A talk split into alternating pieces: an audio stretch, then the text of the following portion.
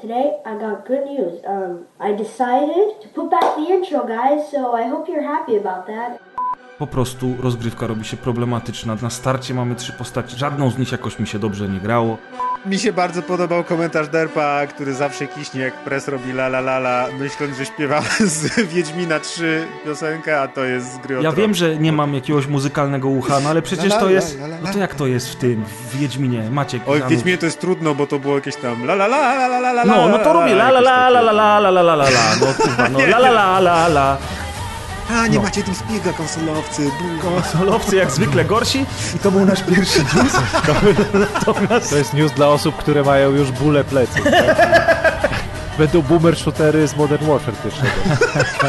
Będą wtedy już co? Y, Millennials shootery, Millennial Gen Z shootery. shootery. O, Gen Z shooter, jak to brzmi dobrze. Pomyśleć, co ty robiłeś, kiedy były czasy przed boomer shooterami. Jak miałeś tylko Dudi do wyboru. I tak myślałeś, co by dzisiaj, Dudi czy Dudi? Może Halo albo, albo Dudi. A później nagle 5 lat później, o, Realms Deep 2022, ale nie, patrzcie, same nowe, stare gry, wow! Z tą wersją nic nie robimy nowego. Wow, super! W telewizji masz takie programy, gdzie dla głuchoniemych w prawym dolnym rogu ktoś tłumaczy, Nie, bo ty byś się onanizował cały czas. Dokładnie, chciałem to powiedzieć. Chciałem po prostu gruchę trzepał w Powinieneś roku. ten, założyć OnlyFansa tam, e, boomer shooter guy. Ja i moja rakietnica. Wanna see my boomstick? Czasami mi się dobrze z wami nagrywa, czasami są takie nagrania jak dzisiaj. No, w każdym razie. La la la la la la. Oj, to jest z gry o tron, a nie z Wiedźmina. A ci się. Wtedy było z Wiedźmina. Na bank było z Wiedźmina To wtedy. ja może zacznę szybko, bo ja nie będę się rozwodzić. No, ja mam nadzieję, ja bardzo lubię twoją żonę. No, Co? Iron Mana. Iron Man z Marvel. Iron Man. Ten Assassin's Creed może być takim boomer Assassin's To Creed. w takim razie prez będzie grał. Stan już taką sznur przerzuca przez żyrandol. To trailer polegał na tym, że kulka, kulka łączy się z drugą kulką, światełko, logo Assassin's I Creed. masz Tak? swoją odpowiedź. No, Jeszcze co chcesz wiedzieć? nam. Dawaj. Ja już ci opowiem. Jak masz jednego wielkiego, to albo w niego grasz, albo nie, a jak masz Ja mam jednego wielkiego, nie jak ty, ale... A jak masz pięć krótkich, to możesz sobie wybrać. Pres, będziesz sobie mógł wybrać. Dzięki. To nie jest głupie, Maćku. Czasami coś powiesz fajnego. Dzięki pan. Pan Grzegorz łaskawy. Łaskawy. Grzegorz dobry pan. Wiesz ile w Polsce jest ta cena, na ile się przelicza? 9399 zł. Czy Modern Warfare 2 to jest remake starego Modern Warfare 2, czy to jest druga część nowego Modern Warfare? Tego już nikt nie wie. Ja mam bardzo kontrowersyjne na ten temat zdanie, którego nie chciałbym wypowiadać przed Maćkiem, więc... Co za mongoły! Jak widać, moi zblazowani koledzy n- nie są tematem zainteresowani, ale wiem, też że nie. słuchacze są. Wszystkie te porty PC-owe Gearsony mają naprawdę dobrą optymalizację. Szczególnie USB Co? porty. Aha, szczególnie porty USB. Nie, Gdański lepszy. Uuu, kontrowersyjna opinia, kolego! Nie, wyciek z Rockstara i z Blizzard to brzmi jak choroba jakaś. Cieszę się, że mogłeś się trochę sam po jajkach pogłaskać. U mnie już było tak zimno, że ja dwa dni temu odkręciłem kaloryfery. I zniósł je do piwnicy. Tak się żyje na północy. Chowają tam przed Niemcem. Żeliwne, nie? Także... A nie, nie, bo to od Niemca są. Oni przed Ruskim chowają, bo Żeby od na Niemca czołgi to nie dostali. przydał. A, bo teraz mobilizację ogłosili w Rosji, także pres zniósł swoje We kaloryfery. wrzeszczu wszyscy chowają grzejnik. Kurwa Maciek, to ty z Monty Pythona się urwałeś, co?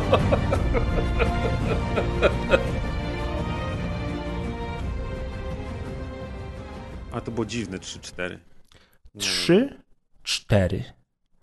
To było takie 3-4. Ostatnio wrażenie, dużo że- Netflixa oglądałem, to dlatego. Z przecinkiem i A, spacją. No właśnie. Ja tu oglądam grę o Tron, ale mam wrażenie, że to ciebie mianowano na rycerza jakiegoś tutaj. Teraz tak. Okidoki, kochani. To co, Deusz, robisz wstępniaka? Nie, no jak? Ja tu się pojawiam gościnnie w tym momencie ja- praktycznie. ja się- Siedzi z zawsze ja muszę robić wstępniaka.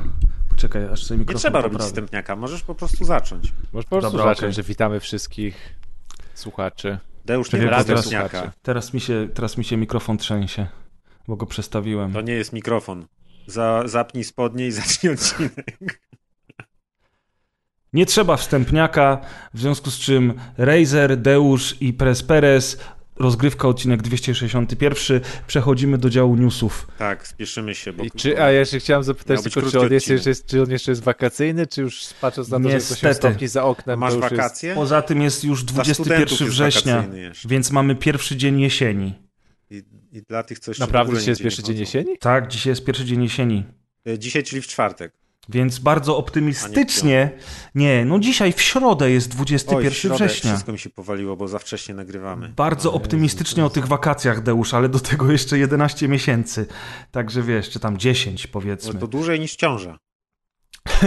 To na pewno. Chyba, że Zależy, jesteś Czy słoniem. mówimy właśnie o homo o, sapiens. czy- przepraszam, ale mnie tu zagięliście. Tusze. Dokładnie. Albo że o homoseksualistach, to wtedy gorzej już w ogóle. I zależy od kiedy liczysz ciążę, czy już od momentu, wiesz, no zależy. Chociaż, czy już jak idziesz po winko i sery do sorry, sklepu, że się odzywałem w ogóle. Chociaż homoseksualistki oczywiście w ciąży mogą być jak najbardziej. No widzisz, teraz będziesz miał tu komentarze. I jak już jesteśmy przy tak zwanych bajopach, których nie powinniśmy nazywać bajopami, bo to nie my wymyśliliśmy ten termin, to od razu chciałem przeprosić wszystkich bardzo serdecznie za mój błąd dotyczący The Last of Us Remake, a mianowicie remake rzeczywiście multiplayera nie ma, ale remaster multiplayer jak najbardziej posiadał. Ja po prostu jestem stary i z moją pamięcią jest coraz No gorzej. chciałeś przeprosić wszystkich, że hejtowałeś, a na końcu stwierdziłeś, że jednak dobrze, że powstał i że jest jednak ładniejszy sporo. Tak, oczywiście. Gra jest cudowna, przeszedłem ją po raz trzeci. Yy, Naprawdę warto. Nie wiem, czy w tej cenie, ale o tym mówiliśmy już na poprzednim odcinku, więc teraz nie ma co o tym dyskutować.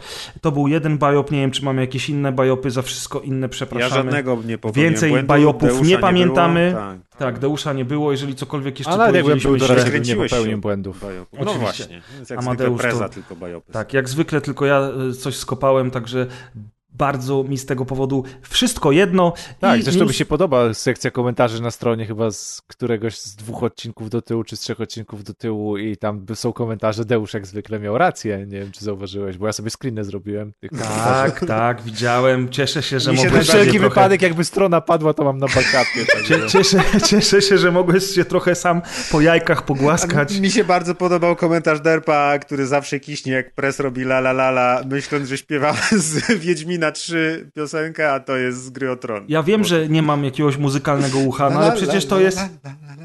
No to jak to jest w tym, w Wiedźminie? Oj, w Maciek, Wiedźminie to jest zanuć. trudno, bo to było jakieś tam la la la la la la la la la la jakieś No, no to robię la la la la la la la la la la la no kurwa, no, la la la la la Teraz to była Abba, tak, dokładnie. Tak, z moim, z moim muzycznym uchem to, to może być wszystko. W każdym razie, słuchajcie, dobra, dosyć tego pierdolenia, to miał być krótki odcinek, a już Właśnie. znowu gadamy bzdury. Ile już czasu mamy? No już 3,50. 3,40, no 3,50, wspaniale. No dobra, słuchajcie, pierwszy news jest taki dosyć krótki. Discord wjechał na Xboxa. Y, Bardzo się z tego powodu cieszymy. No Discordem wjechał na Xboxa, więc teraz jak będziecie grali w sobie w, w, w crossplayu i ktoś będzie na PC, a ktoś będzie na Xboxie, to nie możecie, nie, nie musicie używać tej apki Xboxowej do Możecie się komunikacji. wyzywać M- Możecie Discordzie. używać Discorda, Discord y, zawsze na propsie, także Discord jest już na Xboxie, na starcie były z nim jakieś tam mniejsze lub większe problemy, dlatego że ludzie się na to rzucili. Nie wiem jak jest w tej chwili, jeszcze nie miałem okazji przetestować, ale tak, to jest bardzo dobra wiadomość, użytkownicy konsoli czekali na to latami, Skoro Discord jest taki na propsie, to czemu my na TeamSpeaku nagrywamy? Bo TeamSpeak jest lepszy na PC-cie. Aha. A, nie No. macie TeamSpeaka, konsolowcy, buja. Konsolowcy jak zwykle gorsi i to był nasz pierwszy news. Natomiast Nie macie TeamSpeaka i Excela, boom! Natomiast słuchajcie, drugi news jest taki, że co prawda nie obejrzeliśmy jeszcze Cyberpunk Edge Runners, czyli najnowszego serialu anime, który pojawił się na Netflixie, a który oczywiście bazuje na licencji Cyberpunk jesteśmy dorośli i nie oglądamy 2077. bajek, no. Tak, a już na pewno nie chińskich bajek. O, to w ogóle. Mm, Ale słuchajcie. Słuchajcie, w ciągu, w ciągu tam tego tygodnia, y, o- o- od którego serial jest już dostępny, y, ilość, liczba, liczba graczy y, wzrosła najpierw o 300%, a w tej chwili to już jest 550% player count jump, czyli tak zwany wzrost ilości osób grających w Cyberpunka jest wyższy o 550% od momentu pojawienia się serialu Edge Runners i w tej chwili gra w Cyberpunka 100 tysięcy osób naraz i chyba chodzi tylko i wyłącznie o Steama. Tak, to jest tylko i wyłącznie Steam, więc nawet nie mówimy o Gogu. Także, a już o konsolach nie wspominając, ale wiadomo, konsole są gorsze, to przed chwilą z Maćkiem powiedzieliśmy. Mm, W każdym razie, słuchajcie, No w sumie nie ma się co dziwić, chociaż z drugiej strony, gdyby Ale- serial był słaby, to chyba byłaby ta fala mniejsza, a podobno serial jest niezły i ja, ja nic o tym serialu nie wiedziałem i nie wiem dalej, a, a, Zauważcie, że podobna historia jest też jak każdy kolejny sezon Wiedźmina wychodzi na Netflixie, to też przecież nagle się okazuje, że w pierwszej trójce e, tych e, graczy jednocześnie grających na Steamie się nagle ten Wiedźmin 3 znowu objawia po tylu latach i też przy okazji każdego sezonu no. serialowego Wiedźmina Netflixowego A ten zwykły Wiedźmin też skakuje A wysoko. poza tym w tym serialu jest też, widziałem już screeny porównawcze, dużo miejscówek z Night City z gry wyciągniętych praktycznie, więc to też jest fajnie, że jak sobie obejrzysz serial, to potem odpalasz grę, żeby sobie pojechać w to miejsce i obejrzeć albo coś, więc To na No, pewno. fajnie, no. no i pamiętajcie też o tym, że razem z serialem pojawił się duży, bardzo duży update do Cyberpunka, który wprowadza między innymi trzy questy związane z owym serialem, ale nie tylko. O tym już mówiliśmy z Maciejem na poprzednim odcinku. I jednocześnie w tym czasie ogłoszono również zapowiedź pierwszego dużego fabularnego dodatku e, do gry, w którym powraca e, Johnny Silverhand, także to wszystko razem spowodowało powrót zainteresowaniem e, tytułem i nikogo to raczej nie dziwi, także bardzo się No, cieszymy, także trzymamy był płacz, kciuki. był płacz, był płacz, a swoje na, przez tyle lat nakapie temu cyberpunkowi. Także... Oczywiście, że No, tak. No, na, nakapało to mu tylko- Nie, no dokładnie. tak, tak wiadomo, że sprzedaż, ale chodzi, ale chodzi mi o to, że granie. Chodzi mi o to, że nawet te takie wspomnienia graczy się mogą zmienić z zabagowanej gry i gry, która wyszła za wcześnie, za kilka lat może być wspominane jako no tak. e, Ludzie szybko jako tam krok i milowy albo super gra. I... Pamiętaj, pamiętaj, że Cyberpunk mimo wszystko nie był taką porażką, jaką na starcie był chociażby No Man's Sky czy Fallout 76, a przecież oba te tytuły dzisiaj są bardzo chwalone i chociaż Cyberpunk nie jest grą usługą, w przeciwieństwie do obu wymienionych przeze mnie wcześniej tytułów, to jednak jest taką grą, która będzie się rozwijać chociażby ze względu na dodatki i No zobaczymy. tak jak mówisz, wiesz, ja mam wrażenie, że jednak y, jeżeli oni chcą później sobie poradzić z, z, z Wiedźminem i po tych wszystkich akcjach, które mieli chociażby z giełdą i z inwestorami, to wydaje mi się, że oni teraz muszą stanąć na jajach, żeby pokazać, zobaczcie, 2-3 lata po premierze ta gra to jest majstersztyk, a zwłaszcza jak zagracie z naszymi dodatkami, a jeszcze do tego mamy serial, są komiksy, wiesz, już mamy malutkie uniwersum w garści, nie jest ono tak duże jak Wiedźmin, ale powolutku rośnie. A teraz słuchajcie, Wiedźmin 4, bang, wiesz, to wszystko musi mieć ręce i nogi, jeżeli oni chcą dalej przy takich wydatkach jednocześnie zarabiać na te swoje tytuły. Pamiętaj o tym, że to są jedne z największych i najdroższych gier No w tak, ogóle tak, na tak. świecie, prawda? Ja nie wiem jak z tym majstersztykiem, bo mnie już ten temat nie interesuje, ale gdzieś mi się właśnie a propos serialu przewinęło, że ktoś znowu sprawdzał i mówił, że dalej są błędy, bugi, glicze, No, nie ponaprawiane. to nie wątpię. Dlatego, dlatego bardzo się cieszę, że nadchodzący dodatek będzie tylko i wyłącznie na nową generację. Bo być może dzięki temu tych bugów i gliczy będzie mniej, a może nie będzie ich wcale. No dobra, słuchajcie, to były takie newsy mniej interesujące, tam Discord i Xbox czy Cyberpunk to są małe rzeczy, ale najważniejsza rzecz... Teraz będzie dopiero nieinteresujące. Najważniejsza Ojej. rzecz, która wydarzyła się w tym miesiącu, to mm, Realms Deep 2022, czyli trzecia już. Tak, to jest już to jest Trzecia news dla już. osób, które mają już bóle pleców. Ja Tak? dzisiaj z rozpiski dowiedziałem o tym, to jest najważniejsze. Tak, no Realms Deep to jest, to jest ten coroczny e, taki festyn boomerstwa, e, który wybucha dzięki 3D Realms, które coraz bardziej powraca do łaski, zaczyna wydawać coraz lepsze tytuły. W zeszłym roku to był po prostu przesyt ogromny e, i troszkę tego wszystkiego za dużo pokazali, więc nauczyli się, żeby nie przesadzać. W tym roku tytułów było mniej, ale były konkretniejsze, a ja, żeby was nie zanudzać, opowiem to tylko są o tytuły, pięciu. które ja już znam od trzech lat i one cały czas chcą wyjść w Early Accessie albo coś i... Tak, tak, tak. Natomiast y, pojawiło się parę mniejszych tytułów, które są nowe. Pojawił się jeden bardzo duży tytuł, który jest niesamowicie zaskakujący, a mianowicie kontynuacja Ion Fury o tytule Phantom Fury, które robi e, firma odpowiedzialna m.in. za Graven i za Wrath Aeon of Ruin i zapowiedziano tę grę na rok 2023. Czyli to nie jest ta sama, co pierwszą część robili? Nie, pierwszą sama robił Wotpoint, a tą robią Sleepgate. To są ci goście, którzy robią teraz wszystko. Myśmy się, od, myśmy się na ten temat śmiali przy okazji dokładki 19 o AVP. E, Nie, po prostu o- ciekawe, że ta gra on- była sukcesem, tu powstaje sequel, ale robi go inna ekipa zupełnie. Tak, nie? robi ją ekipa, która teraz robi dla 3D Realms wszystko, co da się robić, więc Mhm. to też nie jest taki dobry wcale news, dlatego że oni, oni się, zaraz upewnię się, że to jest Sleepgate Iron No bo to trochę tak wygląda, jakby właśnie Realms sobie wykupiło markę i dało do siebie do robienia. Więc ta gra w Znaczy- wcale nie musi być taka fajna jak poprzednik, o to mi chodzi. Może 3D być lepsza, Realms ale... też wydawało Ion Fury. No wydawało, ale nie dewelopowało. Nie, de, nie Chodzi mi o to, że dewelopowało. zmienił się deweloper, nie? Tak, zmienił się deweloper i zamiast tego Vote Pointa, o którym właśnie Jest Slipgate wspomnieliśmy. oficjalnie, widzę.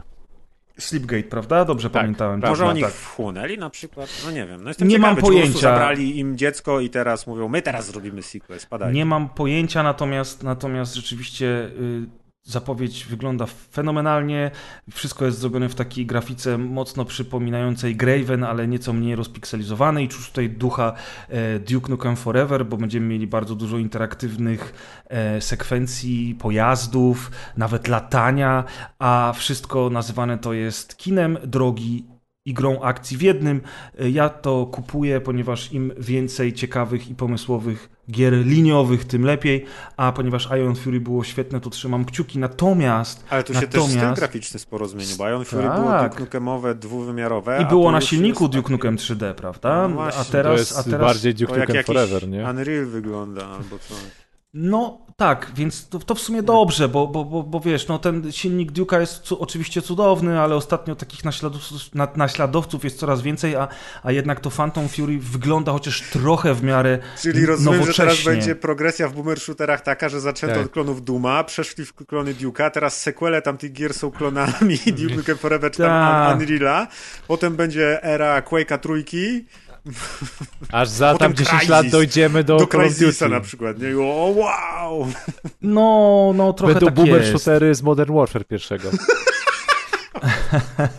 Nie, no tak, no najwyraźniej, no. I wtedy ko- w- w y, obecni piętnastolatkowie będą mieć 35 lat i będą mówić, o, ten gra wygląda jak Call of Tak. Duty. Wiecie, wiesz co, znaczy wracamy do tego tematu przy okazji bardzo wielu boomer, boomer shooterów, natomiast no, y, moje zdanie jest y, niezmienne w tym temacie. Jeżeli im się opłaca to robić, jeżeli opłaca im się te gry wydawać i ktoś się kupuje, to znaczy, że one będą dalej powstawać. Ale więc... poza tym właśnie, czy na przykład takie gry, ale już w stylu ery Call of Duty będzie można nazwać boomer shooterami? Bo to już nie są boomer shootery, bo boomer shootery są z lat 90. Na, na razie do tego momentu jeszcze nie doszliśmy, więc chyba nie ma To co się zastanawiać. wtedy już co? Y, Millennials shootery, Millennial Gen Z shootery. shootery. O, Gen Z shooter, jak to brzmi dobrze, takie jazzy trendy. Może i tak będzie, ale natomiast na, na pewno nie za szybko. Na razie widzisz, ten progres jest powolny. I tak ja się zgadzam z tym, że tego jest za dużo i większość z tych wszystkich rzeczy to, to, to są kopie kopie, ale, ale takie perełki jak to Phantom Fury się zdarzają, się bardzo cieszę. Przecież jest ten e, Ratheon of Ruin, który powstaje już od dawna, masz rację, a to on też w przyszłym roku ma wyjść w pełnej wersji. Nie, to jest Quake, to jest absolutnie Quake, to Quake? jest scena moderska Ale od takie, Quake'a. takie, te, takie zamki, prawie mi tu brakuje tych tam nali, czy jak oni się nazywali. Tam, I te bronie takie dziwne. Potem, e, potem jest ten Graven, który właśnie trochę zaczyna powstawać w bólach i tutaj No. zaczynają się pierwsze dyskusje na ten temat, że, że znowuż te early accessy bardzo długo powstają i właśnie ludzie zaczęli zastanawiać się. Sin Reloaded, remake Kingpina, Phantom Fury, Wrath Aeon of Ruin, Graven, przy tym wszystkim pracuje Ironworks. To ile oni tych tytułów na siebie wzięli i jak długo zamierzają je wszystkie trzymać w early accessie? A poza No. tym właśnie ja się na Graven jarałem, nie wiem ile, dwa lata temu. I teraz zagrałem też w jakiś tam early access. Chwilę tam pograłem, no więcej już nie można było pograć, ale tak naprawdę dla mnie to, wiesz, jak ta gra wyjdzie pełna, to już jest, to też jest problem wielu innych early accessów, takich jak y, Death Trash na przykład, którego też specjalnie mało grałem, ale zagrałem trochę w tego accessa, już ta gra jakby, czuję się, że trochę tam w nią zagrałem, wiadomo, że jej nie przeszedłem. Ale możesz jak wyjdzie ten recenzować. Graven, to ja się na niego wcale nie rzucę, no bo tak... No, ta gra już jest dwa lata ze mną i nawet trochę w nią zagrałem, nie? Nie wiem, czy pamiętasz, jak ja opowiadałem o Early Accessie yy, na którymś z odcinków, to mi się ten Graven podobał. Yy, natomiast, yy, nie, ja nawet na dokładce o tym mówiłem. No mi też się Natomiast podobał, no fajnie. Trochę wygląda. tak jest, jak mówisz, ale ja na przykład w Graven bardzo chętnie zagram. Yy, zakładając, że to oczywiście wyjdzie niedługo, no bo jak to będzie, wiesz, ale ja na przykład, na przykład dlatego nie sprawdzam tych kolejnych update'ów. Za, za, zagrałem w pierwszą wersję Early Access, resztę update'ów nie ruszam, tak samo z, z Wrath Aeon of Ruin. Poczekam, aż wyjdzie pełna wersja, wtedy zagram. Jak wyjdzie, to wyjdzie. Mi się nie śpieszy, tych gier jest i tak dużo, nie? Ale faktycznie, no... Ale w międzyczasie pokażą ci 10 nowych early accessów z 10 nowych No tak, ale nie? będę kole- się- czekał kolejne 10 lat na tamte, nie? Te Znaczy, nowe. No, zaletą tego jest to, że te gry się nie zestarzeją, nie? To, że Tak. Graven ma 4 lata obsługi, to nie sprawi, że nagle Oczywiście. ale brzydkie. Oczywiście, więc jakby dla mnie to jest tak, że, że, że spoko, niech oni sobie to robią ile chcą, natomiast nie rozumiem, czemu takie studio jak Ironworks po prostu bierze na siebie pięć tytułów albo sześć naraz naraz na klatę i, i 3, 3D Realms jakby to wszystko promuje, ale no czemu to ma służyć? No po co tak dużo No naraz? chyba, że oni się tam rozrastają i wchłaniają jakieś, już mają, wiesz, siedem Może ekip się klonują, tak, może się klonują, Ale, ale wciąż wiesz. wydaje mi się, że jakby e, ta idea Early Accessu już się tak rozrosła i tyle lat już się czeka na te gry, że dla mnie to już jest przesada. Już nawet nie pamiętam gier, w które kiedyś grałem, jak były w Early Accessie i mówiłem, dobra, fajnie, niech będzie premiera i one dalej nie wyszły, nie? Tak, i one dalej nie I wyszły, potem na przykład się okazuje, wyjdą. że z Early no. Accessu już im się skończyły pieniądze czy coś i robią kolejne na Indiegogo kampanii i tak dalej, i tak dalej. Jakby, Wydaje mi się, że nie wiem, rok to jest maksimum czasu od pokazania Early Accessowej wersji, w którą kto chce, to niech sobie zagra, do premiery. I to jest, jak już to przekracza rok, to dla mnie już ta gra jest spychana, wiesz, w taką, że kiedyś była i już za, zapominam o niej. Ale wiesz co, ale rozmawialiśmy ostatnio o remake'ach i o remasterach. I tak naprawdę y, ja mam podobny wniosek jak w przypadku y, tamtego tematu. To znaczy, niech sobie robią, nie? To wszystko jest wokół nas. Mamy sequele sequeli, rebooty, remake'i i remastery, mamy wznowienia, y, mamy mnóstwo odświeżonych gier, które pojawiają się na Gogu i mamy tego typu produkcje jak właśnie early accessowe boomer shootery. One gdzieś tam powstają. Jeżeli ludzie na tym zarabiają pieniądze i są w stanie z tego wyżyć albo przynajmniej coś dorobić, a my mamy z tego jakąś rozrywkę, e, to niech one sobie powstają. Tak, No jak to nie jest problem, tylko, nie? Wiesz. Tylko co innego jest, kiedy na przykład czasem wychodzą takie gry, że ci pokazują, robimy grę i będzie za pół roku premiera i później jeszcze za trzy miesiące jest jeszcze jeden zwiastun, a później jest demo i tydzień później gra wychodzi na przykład, nie? No to spoko, no ale a, tak a jest co rzadko. innego, jak ci pokazują, że robimy grę, potem pokazują ci, że robimy kampanię do tej gry, zbieramy kasę, potem zebraliśmy kasę, potem y, robimy jakieś tam Dodatkowe levele do kampanii. Potem dodatkowe levele. Potem jest Early Access, pierwszy Early Access, drugi, potem trzeci, największy Early Access, czwarty. Ta gra dalej nie jest gotowa. Mija 6 lat i ty już masz jakby znika, wiesz, na pewno są fani, którzy dalej chcą w nią zagrać coś, ale jednak ona się tak powszednieje i staje się taka, mm, ten hype cały powiedzmy, no, opada bardzo moim zdaniem z czasem, nie? Co innego gra, która właśnie, nie wiem, wyjdzie w przeciągu roku, co innego gra, która powstaje 4 lata i wiesz, że ona powstaje i tak jak teraz, nie wiem, ten Skorn wyjdzie w końcu.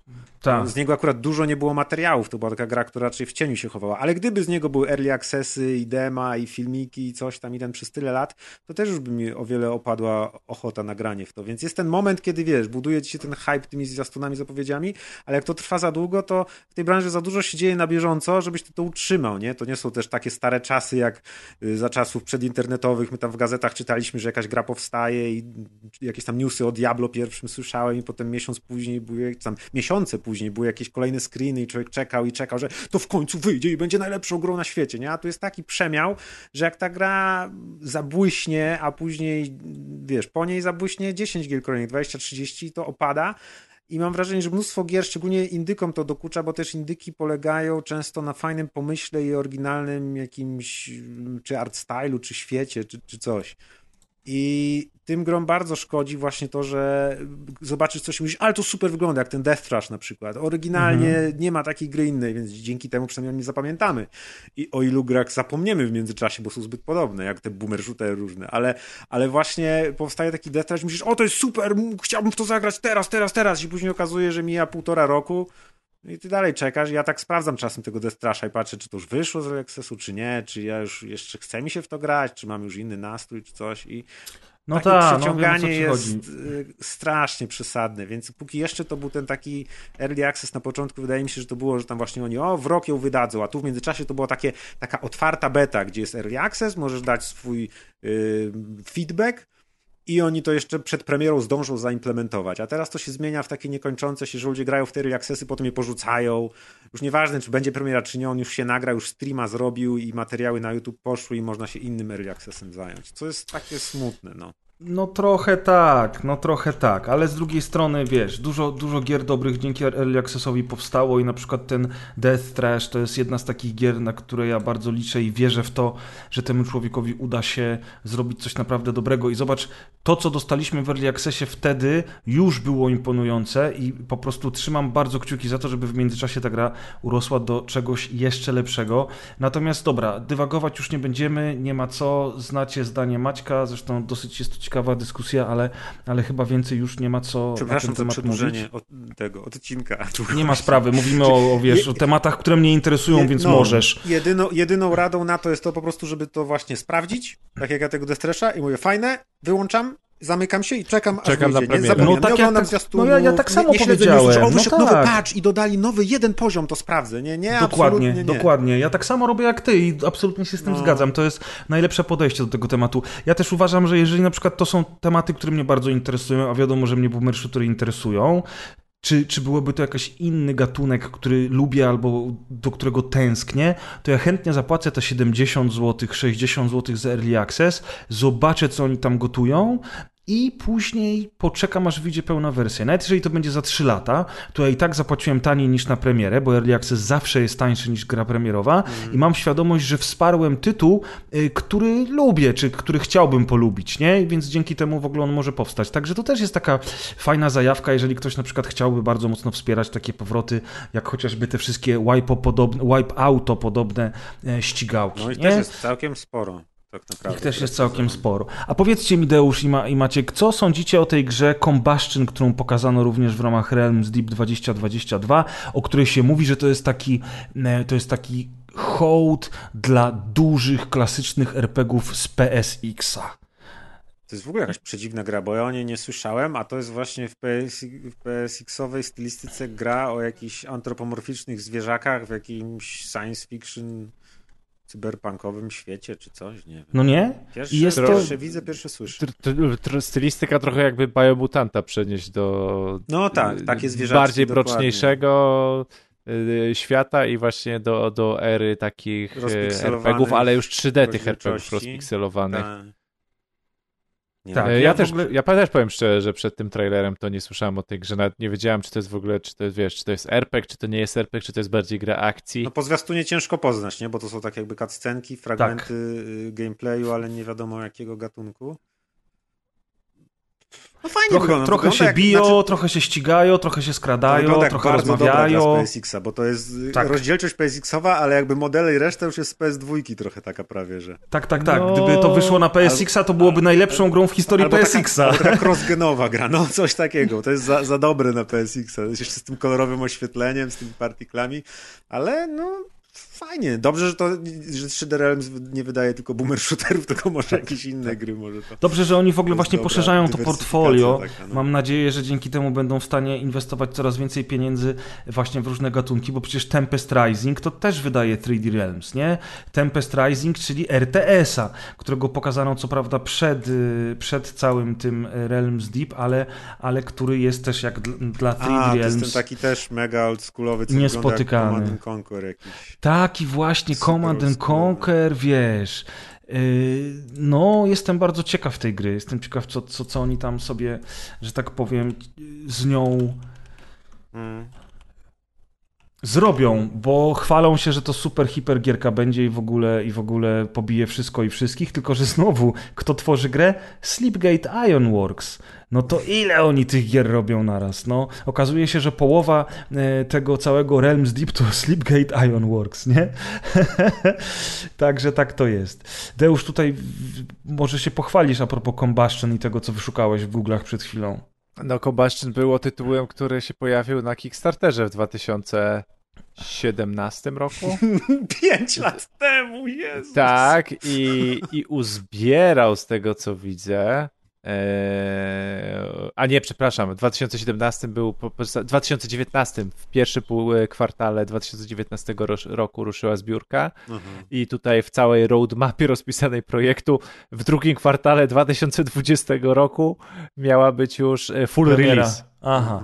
Już, już po becie, ale co więcej, Polak bierze udział tutaj w tworzeniu tej gry. Uch, to najważniejsza informacja, kochani. I To dobra. słuchacze pomyśleli, i słuchacze pomyśleliby, że kła, kła, kłamę, ponieważ ten Polak nazywa się Jan Nowak, który bierze udział w O, to troszkę To nie- podejrzane. To brzmi jak NPC. o- Osoba z generatora, ale nie śmiejmy się z imienia i Mówię nazwisk. O Boże. Natomiast, natomiast tak. No nic, to taka tylko drobna, drobna ciekawostka. No, czyli też pewnie w nie, niemałych bólach powstaje. No, Kurczę. zobacz, to pamiętajmy, że to tak naprawdę yy, mogło zostać trochę przez COVID zatrzymane też. No raczej. Jest, bo to jest chwiloprzedcovidowe ogłoszenie e, tytułu i dużego projektu. Ale wiecie co, ja nie wiem z czego to wynika, po prostu to jest kwestia sentymentu, ale teraz jak na YouTubie tutaj przeklejałem te linki do rozpiski z, z gier, które pokazano na, e, nad tym całym e, Realms Deep 2022, to e, pojawił mi się sierpniowy trailer Chasm The Rift, czyli zapowiedź gry, która powstała mniej więcej w okresie pierwszego Quake'a i która teraz wróci w dystrybucji cyfrowej na Steam i GOG i która będzie lekko odświeżona, tak jak większość tych gier, które teraz niedawno się pojawiały, czy pojawiają już od wielu lat. I ja patrzę na tę grę i mówię, kurczę, za gówniarza grałem w jakiś demo, potem miałem pirata, nigdy nie kojarzyłem o co tam chodzi, bo byłem trochę za młody, ale, ale się strzelało, walczyło i teraz patrzę na ten filmik i mam takie, kurwa, ale ja w to będę napierdalał, jak to wyjdzie człowieku. No i nie wiem, no po prostu tak mam. Może przez to, że Że jesteś chwili- dziadem. Jestem dziadem, tak, Czas to na pewno. fajny, no. Ale wiesz, ale przez to, o widzisz, nawet Maciek będzie grał, no. Nie wiem, czy ben... Czasma grałem w przeciągu ostatnich pięciu lat na pewno grałem.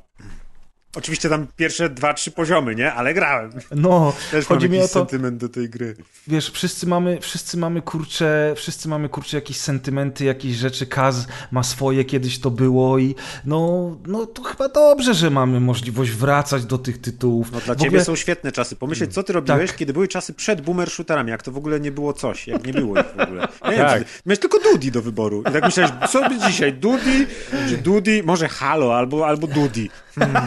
A później nagle pięć lat później, o! Realms Deep 2022, ale gier, patrzcie, czasem ten, same nowe, stare gry, wow! Dobrze, w sumie to nawet nie jest remake, tylko trochę odnowią, to będzie ta sama gra, ciągle Jezu, stara. Oj, wszystko fajnie. robi jedno studio. Już wiem, jakie jest preza ulubione studio.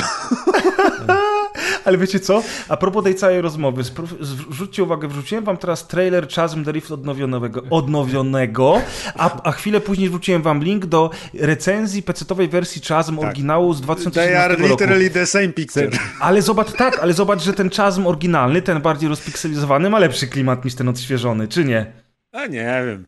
Tak jakbyś wyłączył akcelerację no, sprzętową ma po inny prostu. ten, aspect ratio obrazu. No to, no to, że ma inny aspekt ratio, to na pewno.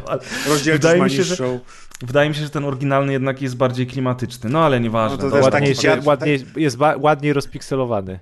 Potrzeba właśnie takiego starego dziada jak ty, Prez, żeby rozróżnić, żeby powiedzieć, te dwie gry są zupełnie inaczej wyglądają. Nie byś komukolwiek innemu pokazał, myślał, that's the same picture. That's the same picture. O, bez kitu. No dobra, to ja już sobie Fajny ten popierdolę. Był w sumie, muszę przyznać. Ja już Tak, sobie popierdoliłem. To może panowie teraz chcielibyście porozmawiać o Oni cię wycieku powinni zatrudnić na ten, jak w trakcie tych na wszystkich prowadzącego. wydarzeń. Na, nie, na Twitchach, jak ludzie streamują i się podniecają Oh takimi różnymi God, wydarzeniami. Nie, ja to myślę, że nikogo nie znajdą tak bardzo cieszącego się na te wszystkie Jemu by tą starą wersję puścili, on też by krzyczał z Jak w, radości. te, w telewizji, w telewizji A masz z tą, te takie... z tą wersją nic nie robimy nowego. Wow, super! W telewizji masz takie e, programy, gdzie dla głuchoniemych w, w prawym dolnym rogu ktoś tłumaczy, Nie, bo nie? ty byś się onanizował cały czas. Dokładnie, chciałem to powiedzieć. Chciałem po prostu gruchę trzepał w Pełne roku. 40 minut konfy. I powinieneś ten, założyć OnlyFansa tam, e, Boomer Shooter Guy i ludzie by oglądali jak Ja i moja rakietnica. Wanna see my boomstick? ten, Friday with Chasm. And again, and again, and again. Ojeny, ojeny. Dobra. Uff, dobre to było. Poczekaj, bo... Już tego nie Which, przebijemy. which version drives me more? I Jakie to będzie? I Ja myślę, że nawet jakby wyciekły materiały z GTA 6, to by tego nie przebiły. Wait a minute! I w takim hełmie z duma jeszcze. Takim za ciasnym. To w którym to było y, boomer shooterze? Znaczy wtedy to jeszcze nie były boomer shootery, tylko klasyczne, klasyczne shootery. W Wolfensteinie, w Wolfensteinie to było Please Don't Hurt Me Daddy, czy coś takiego? To w Dumie chyba było to w Me? 20, a potem... Ale w którymś było coś z Daddy. I to był chyba To Wolfenstein. Wolfen, no. Chyba Na pewno coś Wolfenstein od właśnie. id Software, bo to oni mieli... Oni mieli takie fajne rzeczy, no i właśnie wychowały pokolenia takich mądrych i ambitnych ludzi jak ja czy Maciej. Hej, hej, hej. Hej, hej, hej. La, la, la, la, la, la. Oj, to jest z gry o tron, a nie z Wiedźmina. A ci się... Wtedy było z Wiedźmina. Na bank Nie. było z Wiedźmina Nie, wtedy. przestań, bo ja już mam PTSD. No dobra, słuchajcie, to teraz ja już sobie pogadałem, więc chłopcy chcą wam opowiedzieć o wyciekach z Rockstara i o wycieku z, y, z Blizzarda. I o czymś nawet jeszcze, bo jeszcze Nie, komuś coś wyciek z wyciekło. Rockstara i z Blizzard to brzmi jak choroba jakaś. Ale w No. sumie sam tak napisałem trochę. No dobra. To ja może zacznę szybko, bo ja nie będę się rozwodzić, yy, tylko powiem wszystkim, No ja mam nadzieję, wiedzą, ja bardzo lubię twoją żonę. że na, spo, na, sto, na co? Nastąpił wyciek yy, z już materiałów tak, kuchnię z odmalował, GTA, także... z GTA 6. Yy, jakiś tam sporo, bardzo dużo minut, a może i nawet parę godzin materiałów yy, z bardzo wczesnej fazy prototypowej. Wygląda to tak, jakby ktoś bardzo zepsuł GTA 5 i tam latało mnóstwo okienek i się nie doczytały obiekty i coś tam. No, kaszana. Jak sobie wygląda, jak sobie ktoś wyobraża, że się robi gry, jak to wygląda, to dokładnie to tak wygląda jak... Znaczy, jak ktoś może wie, jak to wygląda, to tak to Aha. wygląda, bo właśnie powstała heca, że, że, że właśnie już się od, o, odezwali ludzie, którzy twierdzą, że o nie, jaki gówniane to GTA 6 będzie, bo Ale ja jestem w ciężkim wydadzą. szoku. Dokładnie, że ludzie w ten sposób w ogóle myślą Tak, jeszcze w i dzisiejszych że, czasach, o, kiedy... niewiele poprawią, bo już blisko premiery jest to, co oni zdążą poprawić i tak dalej. Yy, I yy, bardzo mi się spodobała taka spontaniczna dosyć prawdopodobnie odpowiedź na to innych deweloperów, którzy zaczęli wrzucać na Twittera krótkie filmiki z gier, nad którymi pracowali, też z wczesnych fazów takich prototypowych i tam były na przykład takie gry jak Uncharted, jak Hori- Horizon Zero Dawn, The Last of Us. The Last of Us, Tak. tak. I które pokazywali... też wyglądały słabo jako No- wersje no tak, kontrolowe. gdzie- gdzie Bo jakaś to nie jest kwestia, że one wyglądają po- po słabo, tylko sześcianach właśnie na przykład nie? testują fizykę, nie? I wtedy ta postać biega po sześcianach. Ogólnie bo- gameplay się albo zupełnie inne tak elementy, dalej. wiesz, Bo, celowanie bo, bo, bo chociażby. też to się zaczęło mechanizmy. z tego, że jakiś tam, nie wiem, czy to jest jakaś znana osoba, czy nie, ale ktoś zatweetował, że grafikę w grze się robi na początku, więc jeśli to teraz tak wygląda, to już będzie tak wyglądać do końca, bo grafika się na początku zawsze robi, ona już zostaje później. No to wszyscy, no to- którzy robią gry, się tylko uśmiechnęli, No słodko powiedział oh my summer child i, i zapostowali, jak to właśnie wygląda. I, no i takie fajne. Po- Podoba mi się, że znaczy histeria oczywiście zawsze jest, bo są ludzie, którzy, nie wiem, lubią histeryzować albo lubią siać zamęt, ale spodobała mi się taka spontaniczna akcja, gdzie, gdzie właśnie ci deweloperzy sami powrzucali swoje filmiki, żeby, nie wiem, tym ludziom, którzy może się nie znają na tym i się obawiają i są przerażeni, jak to wygląda, uzmysłowić, że jak, jak się robi gry i, i jak ten cały proces właśnie wygląda. Ale wiesz co, mnie to strasznie zdziwiło, że ludzie w ten sposób zareagowali, widząc te prototypowe sekwencje z gry GTA 6. Teoretycznie z gry GTA 6. Dlatego, że właśnie od tylu lat mamy dostęp do internetu, do social mediów, do YouTube. Mamy tyle artbooków i pokazów tego, jak powstają A gry, to się że, że to jest interesować. Wiesz, ale że to jest trochę tak, jakby ludzie, jakby ludzie zobaczyli na przykład fragment z Avengersów, y, nagrania na green screenie i powiedzieli, bo Jezu, jak to strasznie wygląda, przecież tam w tle nic nie ma, to na pewno w ciągu roku już nic nie, zda, nie zdążą zrobić, bo przecież musieliby lecieć w kosmos. zielone tło w bitwie Tak, wiesz, no kurwa, dla mnie, ja byłem w ciężkim szoku, bo ten trend jest oczywiście fajny, o którym mówi Maciej i to, że deweloperzy pokazują teraz, słuchajcie, ale tak wygląda tworzenie gier, to, mm, to po prostu czemu ci ludzie wpadli w taką histerię? Jakby oczywistą oczywistością jest, że te gry w trakcie powstawania nie wyglądają perfekcyjnie. No, naprawdę się nie spodziewałem tego, że giereczkowo, y, które jest tak aktywne w internecie i tak y, werbalne bardzo często w wielu sprawach, jest jednocześnie tak mało świadome tego, jak wygląda proces tworzenia gier. Myślę, że każdy pieniacz dwunastoletni jest świadomy tworzenia gier. Myślę, że całe giereczkowo to są inteligentni ludzie, którzy racjonalnie myślą, zanim coś Nie, napiszą. ale ja już nie będę mówił, że ludzie to debile, Ale, bo, to, ale bo to też czytałem ostatnio, że to wiesz, no, to, nie mogę tak GTA mówić. 6 też się po prostu ludzie spodziewają, że jak już No tak, że będzie pierwszy pokazane, wyciek to będzie to będzie next gen, tak. No tak, ale to jest właśnie wyciek, a nie coś, co Rockstar postanowił zaprezentować, no, po Mi się, prostu. mi się podoba, że cały vibe jest taki jak GTA, w sensie, o, czyli dobra, czyli GTA dalej pozostaje GTA, uff, dla mnie to jest bardziej kamień z serca, że wiesz, że masz te, e, tam jeden z tych wyciekniętych fragmentów, jak sobie poobejrzałem, to jakiś tam e, e, chyba polegał na testowaniu takich tych mm, randomowych dialogów z osobami napotkanymi po prostu gdzieś po drodze, tak, z czego GTA jest znane, z tego całego ruchu, który się dzieje naokoło gracza i z tych wszystkich NPC-ów, którzy Mhm. e, mają swoje dialogi, e, ponieważ na tym ekranie się jakby wyświetlały te możliwości jakby dialogowe, która ta osoba może powiedzieć w zależności od różnych sytuacji i to było też na zasadzie y, kilka minut co najmniej kwestii dialogowych nagranych jakiejś osoby stojącej przy basenie, tak, która nawiązuje rozmowę z naszą, e, no w tym przypadku z naszą, z naszą gdzieś tam, gdzieś tam bohaterką, czy jakaś mała poboczna postać i stosunkowo duży, rozbudowany dialog jak, na- jak na grę wideo i sobie, jak to widziałem, to sobie pomyślałem, aha, dobra, czyli dalej Rockstar będzie robił to, co Rockstar umie, umie najlepiej i, i tu bardziej jest kamień z serca, że że oni dalej będą stawiali na podobne rzeczy. To jest tak, jakby Michałowi. Aniołowi y, ktoś y, podkosił szkicownik i zobaczył jego szkice, które on y, pijąc tam wino gdzieś tam zrobił kawałkiem węgla i mówił, to ma być wielkie dzieło Leonardo da Vinci, kolejne to skandal, beznadzieja, nie?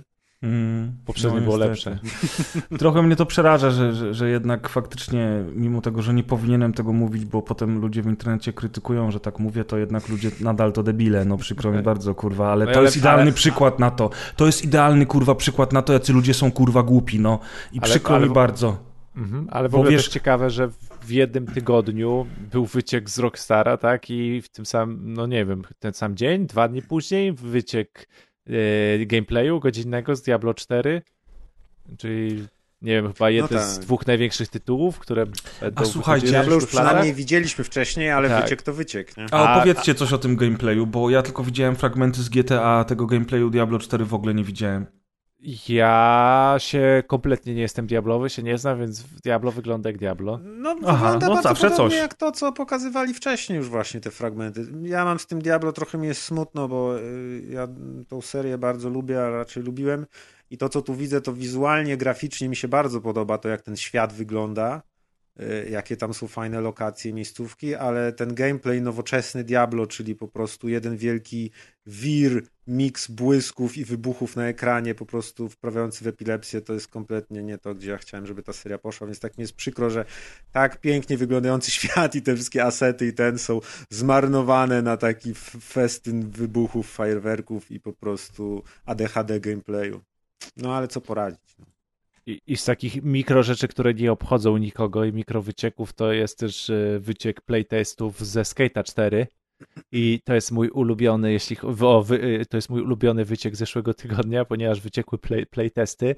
Oczywiście też, wiecie, w grafice bez tekstury, tak, plansze zbudowane na, na podstawie Ale to już obiektów, bo od dosyć dawno się pojawiają materiały z tej Ru- alfy. ruch Skate postaci, 4 chyba, ale najlepsze jest to, że te kilku, mi, kilkuminutowe e, playtesty, w tych kilkuminutowych playtestach nie ma deski. Znaczy, deska jest przeźroczysta, w ogóle jej nie widać i nasza postać jeździ na powietrzu i robi triki i zupełnie nie widać deski, co w ogóle sprawia bardzo fajną, jest ba- bardzo fajne wrażenie, jak się to ogląda. I się zastanawiam w ogóle, jak to testerzy, test, po- podejrzewam, że zupełnie, grają, nie? wiem, animacja postaci była w tym momencie testowana, ale Tak, bo e, jak... przedziwnie to wygląda, jeśli e, przeciwnie to wygląda, jak się widzi, że ktoś jeździ, jedzie na desce, a tak naprawdę nie jedzie na desce, a już jak w ogóle jakiś trik robi i po prostu w trakcie lotu rozkracza nogi. coś to- macha dziwnie, nie? Tak, coś dziwnie macha nogami i to... Ale Co, właśnie- ludzie nie pisali, że o Jezu, jak za rok premiera, to oni nie zdążą tej deski No. dodać? Czy... Ja, ja się w ogóle zdziwiłem, jak, jak zobaczyłem, że w pewnym momencie właśnie YouTube się zalał tymi materiałami z, z, z tego skate'a.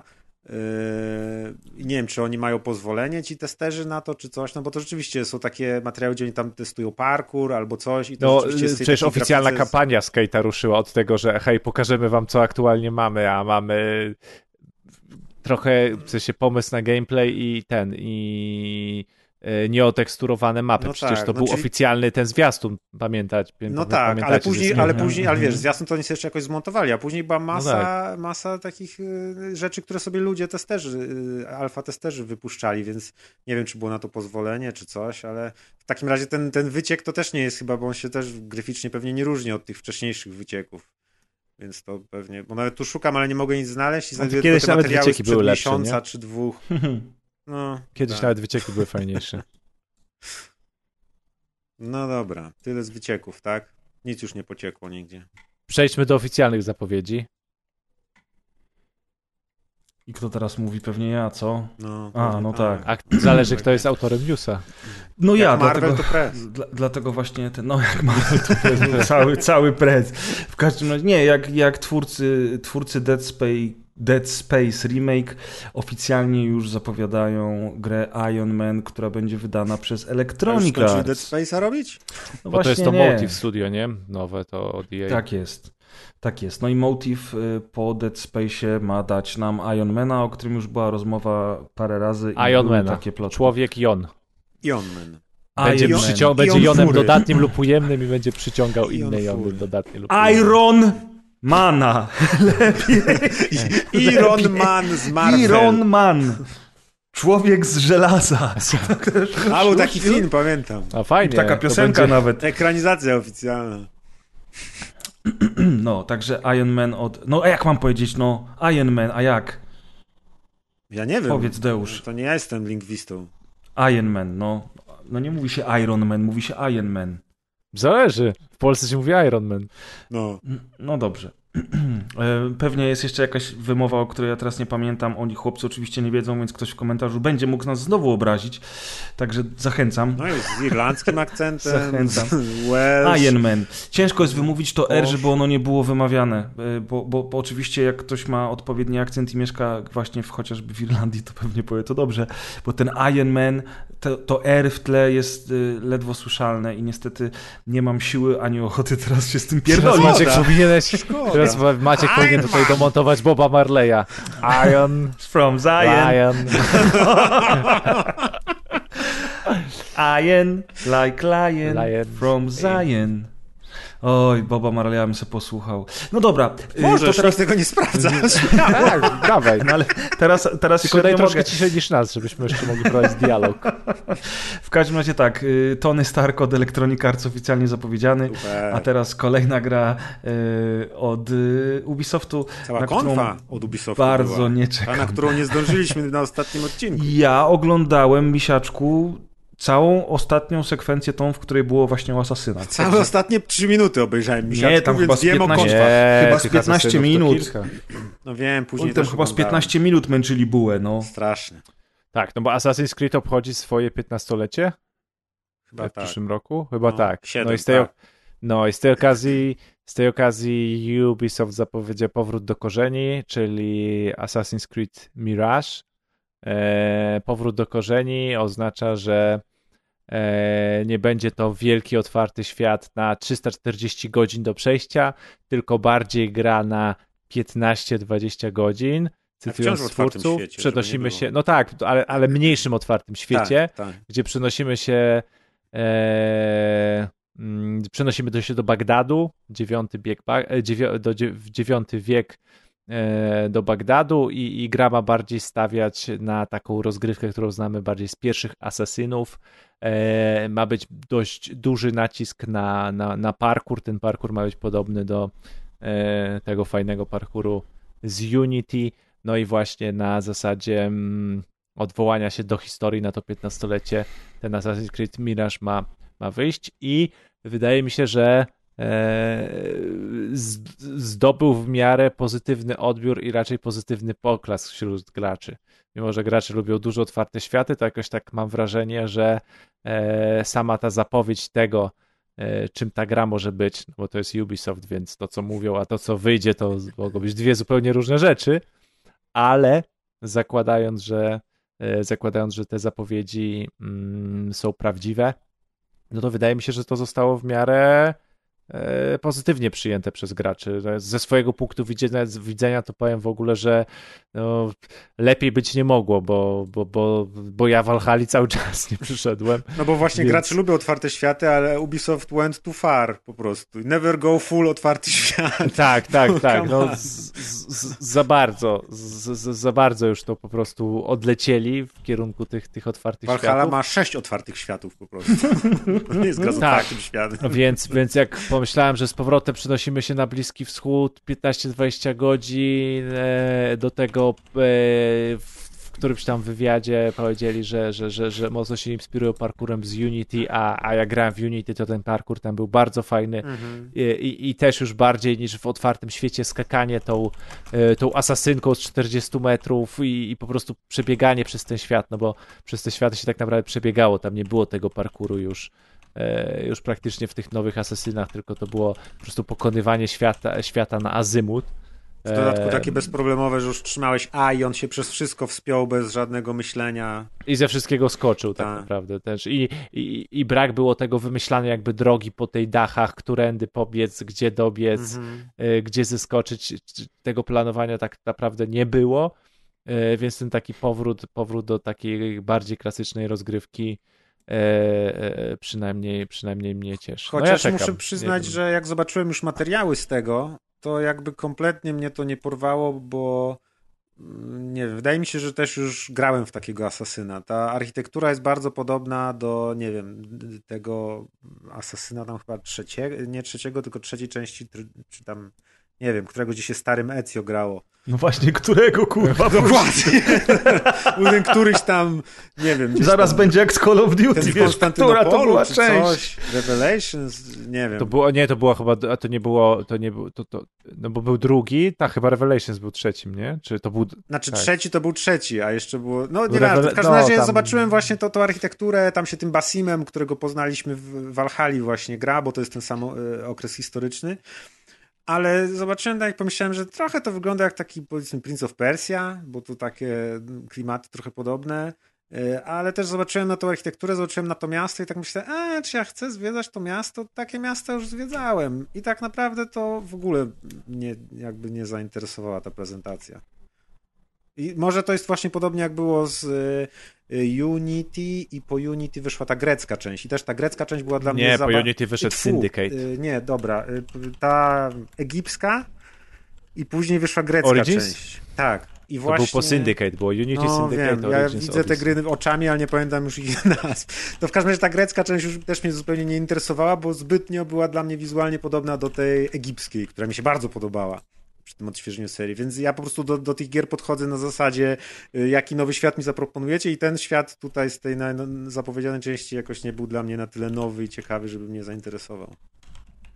Ale no, za to, Ty, no ale wiesz, ten Assassin's Creed może być takim znaczy- boomer Assassin's Creedem. o nie, to w takim razie Prez będzie mnie grał. Uhu!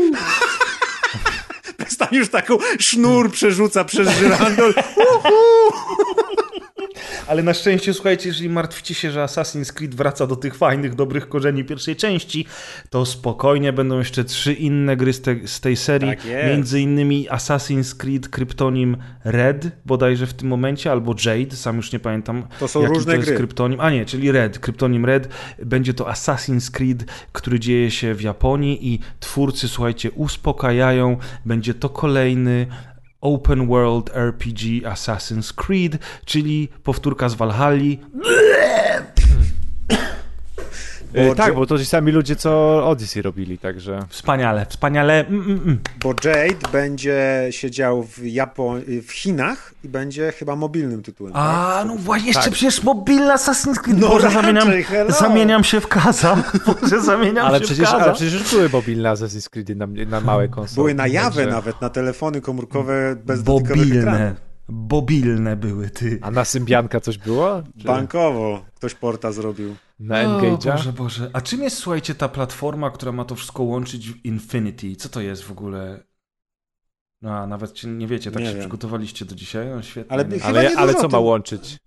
No, te dwie ostatnie, czyli, czyli chyba Jade i ten taki jakiś taki pogański Oni- Assassin's Hex. Creed. Oni, Ten Hex, też ciekawie wygląda, bo to właśnie ma być To jakiś te tam... dwie, re, chyba Red i Hex, albo Jade i Hex, nie wiem, mają być połączone platformą Infinity. Oni też dokładnie chyba nie określili, co to jest. Że to ma być jakiś No. taki punkt wejścia do, do, do, do uniwersum, czy coś i że... Aha, czyli to nie będzie platforma, tylko jakieś kolejne uniwersum w uniwersum? Nie mam pojęcia. Nie, coś o tym wspominali z tego, Ale- co kojarzę, No, ale nie z tego co, nie, to, to, były, to, to trailer polegał na tym, że kulka, kulka łączy się z drugą kulką, światełko, logo Assassin's Creed. Tak? No, no, i masz swoją odpowiedź. No Jeszcze co chcesz wiedzieć? nam. Dawaj dalej. Już ci opowiem. Kulka, Ale kulka, światełko, logo. Ale, ale y, wynika z tego, że mimo tego, że wszyscy trzej widzieliśmy ten materiał, nikt to nie wie. niewiele z niego zrozumieliśmy, prawda? Więc być może Ubisoft sam nie wie jeszcze o co chodzi. Wiesz, tak polega moje odbieranie świata przez internet. Ja patrzę, patrzę i nie rozumiem. W każdym razie mi akurat, nawet jeśli ten Miraż mi nie podpasował, to bardzo mi się to podoba, że oni zapowiedzieli pięć gier, bo to oznacza, że jest większa szansa, że któraś mi się spodoba. I już na przykład ten Hex mnie zainteresował swoim settingiem, czyli to pó- późne cesarstwo y, rzymskie połączone z jakimiś tam wiedźmami i coś tam.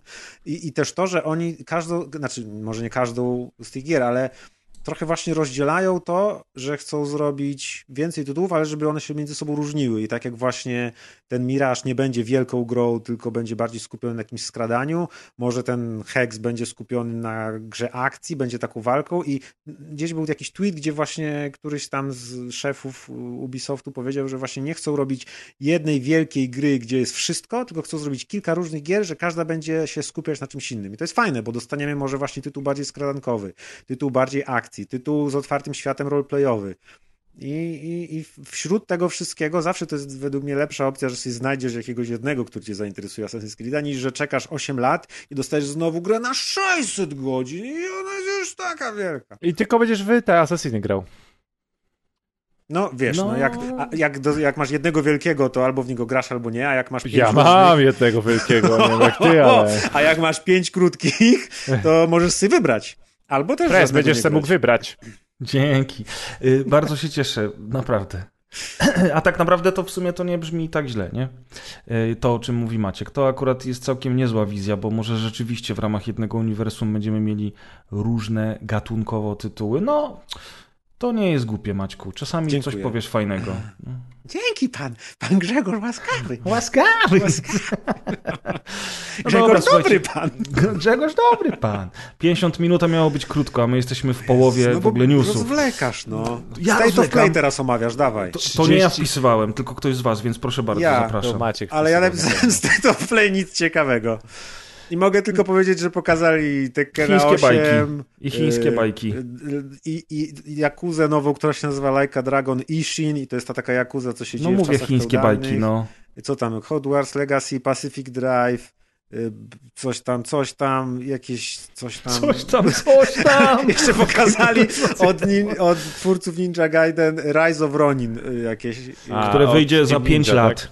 Albo za 105 lat, tak. I coś jeszcze I tam. tak nie będziemy umieli w to ninja grać. Znaczy, No i- tak. że będziecie umieli. Ale te gry to takie No były, gdzie, że no ja myślę, ja? o fajnie, gra o ninja, a potem nagle ten ninja wyskakuje na 100 metrów, wzionie ogniem i I mówię, no, deskorolkę, i tak. next, nie? No, no, No i ale God of nie, War'a tam- Ragnaroka No i God of. War'a pokazali, tak, O. tak. Także, także State of Play tak było. Omówione. I. PSVR Omówione. tam też omawiali. No, omawiali PSVR, bardzo mi się podoba, że nie będzie kompatybilności z PSVR 1 przy okazji PSVR Grunt 2. to odciąć jest- się od biblioteki, którą się budowało. Tak, mozowi. for, for, the, for the Friars po raz kolejny PlayStation nie ma dobrej pasy. Ja naprawdę nie mówię tego z hejtem ani z, ze złośliwością, żeby po prostu sobie pośmieszkować. Uważam, że to jest bardzo słabe zagranie z ich strony, że cała biblioteka PSVR nie będzie kompatybilna z PSVR 2. Ale spokojnie, powstaną wersje PSVR 2 Tak, remaster, remake kup jeszcze 70 raz. dolarów. Tak, tak, tak, oczywiście, więc naprawdę no nie ma co tutaj komentować, jest to dziwne. To nie jest jakaś ogromna przepaść, żeby teraz to wszystko, co jest na PSVR nie było Skąd kompatybilne wiesz, że to nie jest ogromna taka przepaść? No Jeszcze nie cię. testowałeś, także... Proszę cię. Nie no, pokazywali chcesz jakieś się tam materiały założyć? z tego PSVR 2, to same, w ogóle same gogle są bardzo fajne. Y, Tu ja się też na specyfikacji nie, nie, jakoś nie skupiałem za bardzo, nie śledziłem tych newsów, to na pewno u Simplexa w podcaście M Kwadrat sobie posłuchacie, jak jesteście zainteresowani, bo on tam wszystko się zna i wszystko opowie. Ale jeśli chodzi o technologię, to to są naprawdę Sony zrobiło bardzo zaawansowane gogle z nowymi technologiami, których nie ma e, Oculus Quest i jakieś inne tam gogle, które się pojawiają. Tutaj są różne fajne bajery, więc to jest naprawdę sprzęt mocny i przyszłościowy. Wciąż z kablem, no ale coś za coś. Myślę, że warto poświęcić ten kabel za to, żeby mieć i niższą cenę i, i jakieś tam różne właśnie inne fajne technologiczne bajery w tych goglach. Więc to jest fajny sprzęt, ale tak jak gadaliśmy przed podcastem chwilę, no inwestycja wejścia jest spora, bo trzeba mieć PS5, potem trzeba mieć te gogle, a potem jeszcze właśnie te gry. Uff, Uff. trzeba mieć też dużo pieniędzy. A równie dużo pieniędzy trzeba mieć na, na, na RTX 4090, który ma kosztować mniej więcej 1600 dolarów i który został Wiesz pokazany... ile w Polsce jest ta cena, na ile się przelicza? Na ile? 9 kołków. 9399 zł. A, a wiecie, a, przy, a, przypomnieć, a, przypomnieć wam, a przypomnieć wam sytuację, jaka była z tymi retail price'ami z poprzednią iteracją, czyli z tymi RTX-ami 30, tam No 60, dawaj, co tam 70, było? 80, 90. To nie wiem, czy pamiętacie, ale do tej pory te ceny nie wróciły cały czas do tych cen startowych, więc Ojej. jesteśmy trz, y, dwa lata, dwa lata, tak? Czy trzy po premierze? Dwa Tak. lata po premierze, a te w ogóle te, te karty dalej nie są do dostania w tych cenach, w których Nvidia twierdzi, że są tymi cenami rekomendowanymi, tymi retail price'ami rekomendowanymi. I nie wiem, czy pamiętacie moje ranty właśnie na te retail price'y, które nigdy w życiu nie osiągają retail price'ów i po dwóch latach nie osiągnęły. Więc to, że ta karta ma retail price 9000, powiedzmy 40, 400 zł, to w rzeczywistości tam w sklepach komputerowych to będzie osiągała, nie wiem, 14 tysięcy na starcie, czy też 13. Mm. Nie, no daj spokój w ogóle, no. No i Może i rząd jeszcze, będzie jakieś dopłacać, 17, i- żeby I jeszcze kupić. zapomniałem to, to, y, to, to kontynuowanie, ale pamiętam jak te dwa lata temu na jesieni mówiłem, że się szykuję do tego składania peceta, to pamiętam jak słuchacze mi mówili, y, ja się składałem, pamiętam chyba we wrześniu czy w październiku, słuchacze mi mówili spokojnie, nie ma co na premierę, poczekaj styczeń, luty i już ceny zaczną spadać w styczniu. I ostatnio sprawdzałem i moja karta graficzna po, y, jest w promocjach, cały czas jest o 600 zł droższa, jeśli jest w ogóle do dostania, niż była dwa lata temu w październiku, także, no. także dobrze, że dobrze, fajnie, że się słuchałem ekspertów od rynku PC-owego, którzy kazali zaczekać do stycznia, bo, bo na pewno ceny spadną. Ale ja też pamiętam, jak mój brat jedną z tych kart z tej, z tej generacji, którą ty masz, chciał kupić i też mu ukazałem, żeby poczekał. Na szczęście tego nie zrobił i, i, i sobie te karty kupił, no i, no i rzeczywiście Ej, moja miał karta. rację i ja ty mam, miałeś Ja rację. mam 2070, nie wiem kiedy to miało premierę, ale jest chyba też 600 droższa niż ja kupowałem. Ale wiecie, co jest najśmieszniejsze? Że, ten, że RTX 4080 bodajże, nie chcę wam teraz skłamać, czy to jest, które to jest GPU, 80 albo 90, jest pokazany Cyberpunk y, 2077 z ray tracingiem włączonym, wszystko oczywiście na ultra. I twórcy chwalą się tym, że bez użycia DLSS 3, czyli tego nowego DLSS-a, który z tą generacją wejdzie, Cyberpunk z ray tracingiem na tej karcie ma 22 FPS-y, natomiast z DLSS 3 włączonym i z ray tracingiem oczywiście Cyberpunk ma tych FPS-ów 98. Ja się teraz pytam, jakim cudem karta graficzna za 9000 zł z najnowszej generacji, z grą z 2020 roku i ray tracingiem osiąga tylko 22 klatki. To znaczy, że ta karta sama w sobie w ogóle wydajna nie jest. Znaczy widzisz, bo to chodzi o to, że oni już idą w ten ray tracing, technologia idzie w ray tracing i jego się inaczej liczy i jakby ten raw power megaherców już nie ma znaczenia. Okej. Dlatego właśnie raw power daje ci 23 klatki, ale bez tych wszystkich technologii typu DLSS, za które właśnie płacisz 9000, Tak, bo to, bo to inny zupełnie układ hardware'owy odpowiada za to, więc... To jest trochę jak z wielowątkowymi procesorami. Możesz, wiesz, masz niby sobie myślisz, o, kiedyś będą procesory 8 GHz, nie? A tu właśnie poszło w to, że masz procesor, który ma wciąż 2 GHz i na jednorodzeniowych operacjach jest wciąż słaby, ale tych rdzeni masz 12 albo 24 i dlatego musisz mieć inaczej napisaną grę pod to, żeby ona wykorzystywała wszystkie rdzenie. I po prostu w innym kierunku poszła technologia. I tu podobnie, już nie idziemy w czyste gigaherce i tak dalej, tylko sobie wymyślili teraz ten ray tracing, od tego jest inne inne kości, inny hardware i też inny software to obsługuje. I dlatego tak jest, co jest niby trochę śmieszne, ale z drugiej strony jestem ciekawy tego DLSS-a trzeciego, co on zmienia. Właśnie chciałem się zapytać, że co te karty wprowadzają nowego, yy, bo, bo, bo wiadomo, no, pojawił się ten ray tracing, ale to już jest trzecia generacja kart z ray tracingiem i teraz co, te, co ona wprowadza nowego, czy ten DLSS 3 jest naprawdę taki świetny, bo DLSS zawsze wiązał się z tym, że właśnie renderowaliśmy grę w niższej rozdzielczości i ona tym DLSS-em była upskalowana do wyższej, co na początku dawało słabe efekty, potem z biegiem generacji i, i, software'u i sterowników i innych rzeczy trochę lepsze, ale wciąż trochę widać, przynajmniej jak ja tam sprawdzam na swojej karcie te yy, efekty, to wciąż często widać, że właśnie jednak jak uruchomisz w natywnej rozdzielczości, a w tym DLSS-ie, no to widać tą różnicę, że ten obraz jest taki rozmazany, że podczas szybkich obrotów te rzeczy się tak jak Mhm. ziarnka piasku rozmywają i tak dalej. Więc jestem ciekawy, A- czy, czy tutaj a- za te 9000 dostanę w końcu technologię, która będzie lepiej działać, czy to jest po prostu nowa generacja, więc będzie trzy razy droższa i tyle. Y, No No, nie teoretycznie lepiej działa, w sensie mm, te algorytmy lepiej obsługują ten, ten super sampling, więc według powiedzmy zapowiedzi, tak, że, Mhm. że ta technologia się jednak trochę różni. No bo też Ale- pokazywali wzrost, wz- wzrost, jeszcze ci przerwę tylko, wydajności, że na przykład w starych tytułach on jest niższy, ale w tych najnowszych, pisanych już w erze ray tracingu, ten wzrost jest bardzo wyraźny. No, tak, nawet krotny tak naprawdę, Mhm. więc e, w każdym razie mnie coś innego zaciekawiło, że no powiedzmy ogólnoświatowy kryzys energetyczny, albo może nie ogólnoświatowy, powiedzmy europejski, tak? Powiedzmy europejski taki kryzys e, energetyczny i to, że większość państw w Europie e, jednak w jakiś sposób e, przez sytuację polityczną i nie wiem, i stan planety w jakiś sposób powiedzmy Raczej zaczęło dość mocno zwracać uwagę, zaczęło dość mocno zwracać uwagę na nie wiem, ograniczenia zużycia energii, tak, niepotrzebne i tak dalej, i tak dalej. E, I wjeżdżamy z kartami najnowszej generacji, którym jest featurem to, 600 że że, że ponad 600 watów sama karta graficzna potrafi sobie pochłonąć, żeby się, wiesz, 100 klatek wyświetliło w Oświetlenie całego bloku.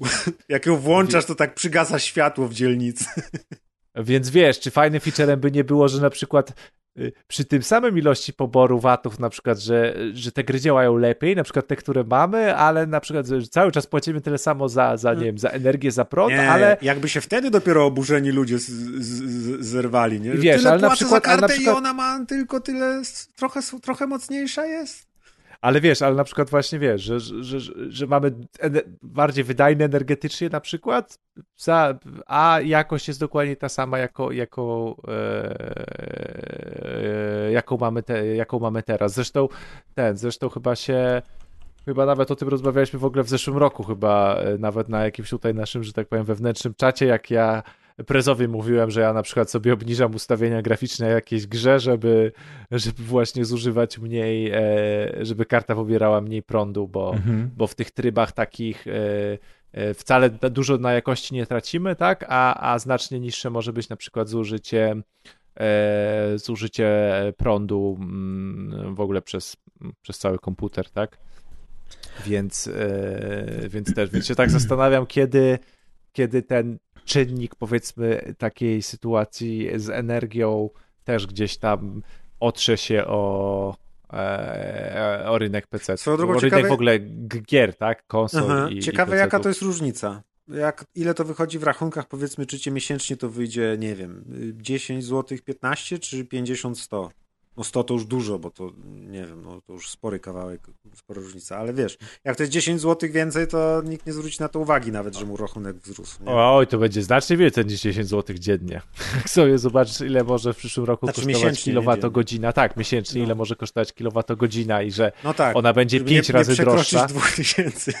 Tak, i że ona będzie 5 razy droższa, więc. No to wtedy tak, no jeśli normalnie ci wzrośnie właśnie... Więc z- jeśli normalnie ci wzrośnie, załóżmy, nie wiem, o 40 zł, to w przyszłym roku ci może wzrosnąć o 200 z tego z samej uwagi, No. że ci się z Ale to by, było, to by było ciekawe, gdyby nagle podrożały właśnie te najbardziej energooszczędne karty i wszystkie low-endowe. Z drugiej strony te nowe karty mogą ci ogrzewać chatę i wtedy nie musisz mieć węgla.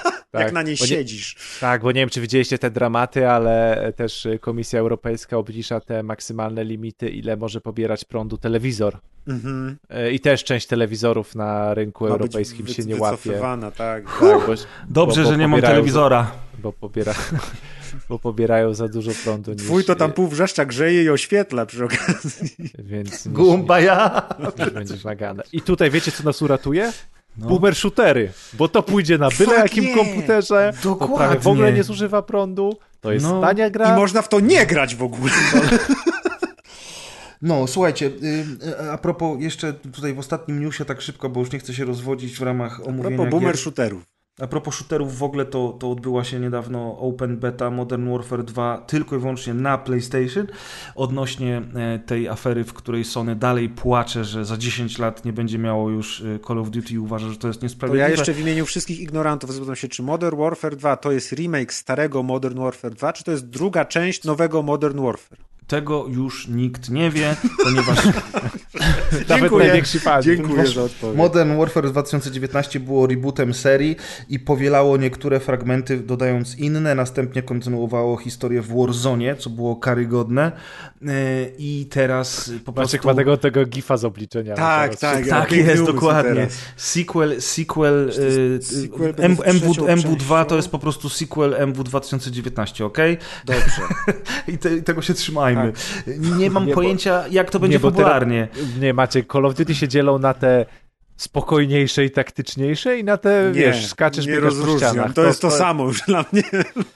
No to właśnie nie, bo ten, ten MW2 jest powiedzmy, że spokojniejszy, bardziej taktyczny i ma fajne tempo, fajny time to kill i yy, fajne działanie broni. Jeżeli podobał Wam się Modern Warfare 2019, to Modern Warfare 2, który ukaże się w październiku tego roku, też powinien Wam się spodobać, zwłaszcza, że ma kilka nowych taktycznych, czy też bardziej zespołowych trybów. A ile kosztuje? Z 700 zł? Czy Nie, ile? no klasycznie 350. nie? E, to. A ile prądu Ta- trzeba, żeby on działał ta dobrze? wersja, w ta 200 wersja, klatkach. ta wersja właśnie międzygeneracyjna, bo oczywiście, że nie można kupić wersji tylko na PS5 czy też na Xbox Series X. Trzeba kupić wersję międzygeneracyjną i zapłacić za nią 350 zł, co jest, co jest oczywiście zwykłym chujstwem. I ściągnąć next genowego patcha, którego za 20 lat nigdzie nie znajdziesz i nie będziesz mógł w tą zagrać. No nie, nie, bo w tym, w tym masz już jakby next genową wersję również, ale, ale ogólnie rzecz biorąc konieczność płacenia za crossową grę, czy też dwa tytuły w jednym, tylko po to, żeby naliczyć ci więcej pieniędzy, to jest, to jest chuj, chujoza. No, nie, to nie jest biznes, się mówi na to. Tak Tak, się tak, pieniążki tak. robi. No i w ogóle... jesteś komunistą, mówisz chujoza. Dzięki, dowiedziałem się. A jak ktoś kocha wolny rynek, to Natomiast Money. y, czuje zapach pieniędzy. o samej grze porozmawiamy więcej przy okazji premiery, natomiast ja po prostu obserwuję bacznie te dyskusje, o której wspomnieliśmy z Maćkiem już na poprzednim odcinku i powiem wam brzydka. szczerze, Powiem, znaczy tak, ta gra nie jest jakoś specjalnie z- zachwycająca oprawą graficzną. Naprawdę też jestem, jestem zdziwiony, ale to jest oczywiście następstwo tego, że oni robią grę również na starszą generację. I to jest moim zdaniem błąd. Tak samo jak to, że ogłoszono ostatnio przy okazji kolejnych dyskusji na temat Resident Evil 4, że Resident Evil 4 Remake również powstaje z myślą o poprzedniej generacji. Nie rozumiem, czemu oni to robią naprawdę. Znaczy rozumiem, chcą sprzedać więcej kopii, ale to niestety owocuje właśnie gorszą oprawą graficzną, Resident problemami z sprzed 17 kompatybilnością. Ale remake, Maćku, remake. No, no ten, dobra. ten, ten, ten, wiesz, ten jak był Resident Evil 2 i Resident Evil 3 No, ostatnio. Gra z 2005. No takie mamy czasy, ale już mówiliśmy o tym, że chyba przestaje nam to w ogóle przeszkadzać. Remake'i, remastery, cała reszta. Niech se robią Taki co chcą. boomer Resident Evil. Każdy, tak, każdy może wybrać co chce. Natomiast wracajmy, wracając do tej dyskusji w internecie. Nie po to, żeby szkalować Sony. Ja teraz tylko gram na PlayStation 5, bo przechodzę wiele gier i, i świetnie się bawię, bo jak zwykle Sony ma najlepsze eksy i to się chyba szybko nie zmieni, ale, ale ja nie rozumiem tej całej polityki. Mają na 10 lat to Call of Duty, jęczą w tym internecie, że to jest w ogóle niesprawiedliwe. Oczywiście apologeci y, Xboxa jedno, apologeci PlayStation drugie, wszyscy płaczą, szarpią włosy i okej, jeżeli robią to fanboje, to spoko, po obu stronach, do tego jesteśmy przyzwyczajeni i tak naprawdę to mi się już nawet nie chce wchodzić i tych ludzi trollować, bo już mi się to znudziło dawno temu. Ale wiesz, ale że, że, że, że na, na, głównodowodzący ludzie w PlayStation zaczynają takie rzeczy robić i gadać takie, że, takie teksty, a jednocześnie y, wrzuca, marketing Sony wrzuca informację, że w Open Beta pierwszy zagrasz na PlayStation, bo na Xboxie będzie dopiero po kilku dniach. Tylko u nas y, taki taki dodatek, tylko u nas to i tamto, tylko u nas dodatkowy quest w grze tej o Harrym Potterze i innych gejach, czarodziejach, jak to się nazywa?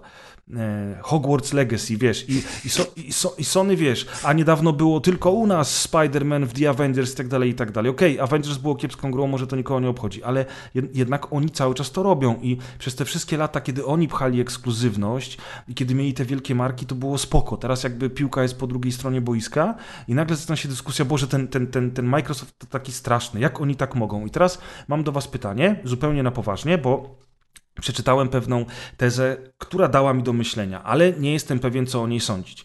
No więc y, ktoś napisał, że te wszystkie studia, y, które należą do Sony, nie wiem jak to się tam fachowo nazywa, te studia first, o, first party, były zakładane, chociaż to nie jest do końca prawda, na pewno nie wszystkie, ale były zakładane z myślą o tym, żeby tworzyć gry tylko i wyłącznie dla Sony, czyli takie chociażby Naughty Dog, czy ludzie, którzy stworzyli Spidermana, ale przecież to nie jest prawda, bo ci ludzie, którzy stworzyli Spidermana, robili robili chociażby też dla Xboxa gry. E, Jak się nazywała ta gra o, ty, o, o tym takiej walce z tymi zombiakami od y, energy drinków? Tak się skakało, jeździło się na, na, na różnych y, Sunset poręczach. Overdrive. Sunset, Sunset Overdrive. Przecież oni byli u Xboxa, potem wrócili do Sony i wiesz, i mówienie, że to są studia, które zostały założone specjalnie dla, e, specjalnie dla robienia gier do Sony, to nie jest do końca prawda. Po części to jest prawda, ale nie do końca. Natomiast teraz jest argument, a Xbox to jest zły, bo oni kupili taką chociażby Bethesdę, która zawsze robiła gry dla wszystkich, a teraz to Starfield będzie tylko i wyłącznie na platformę Microsoftu, czyli Xbox i Windows. E, No i tam inne te studia to też wykupili, zabrali nam prawdziwym, dobrym graczom i teraz tylko te chuje z Xboxa to będą w to grały. Ja się teraz zastanawiam, kto ma rację. Czy, czy prawda leży gdzieś po środku? Czy może rzeczywiście tak jest, że Sony to jednak tworzyło te studia od podstaw i tworzyło te ekskluzywy od podstaw, a tymczasem Microsoft rzeczywiście wykupił studia, które tworzyły już gry, wziął je do siebie i teraz powie, słuchajcie, to są nasze gry i wiecie, tylko u nas w nie zagracie? Co wy na ten temat sądzicie, panowie? Deusz, proszę pierwszy.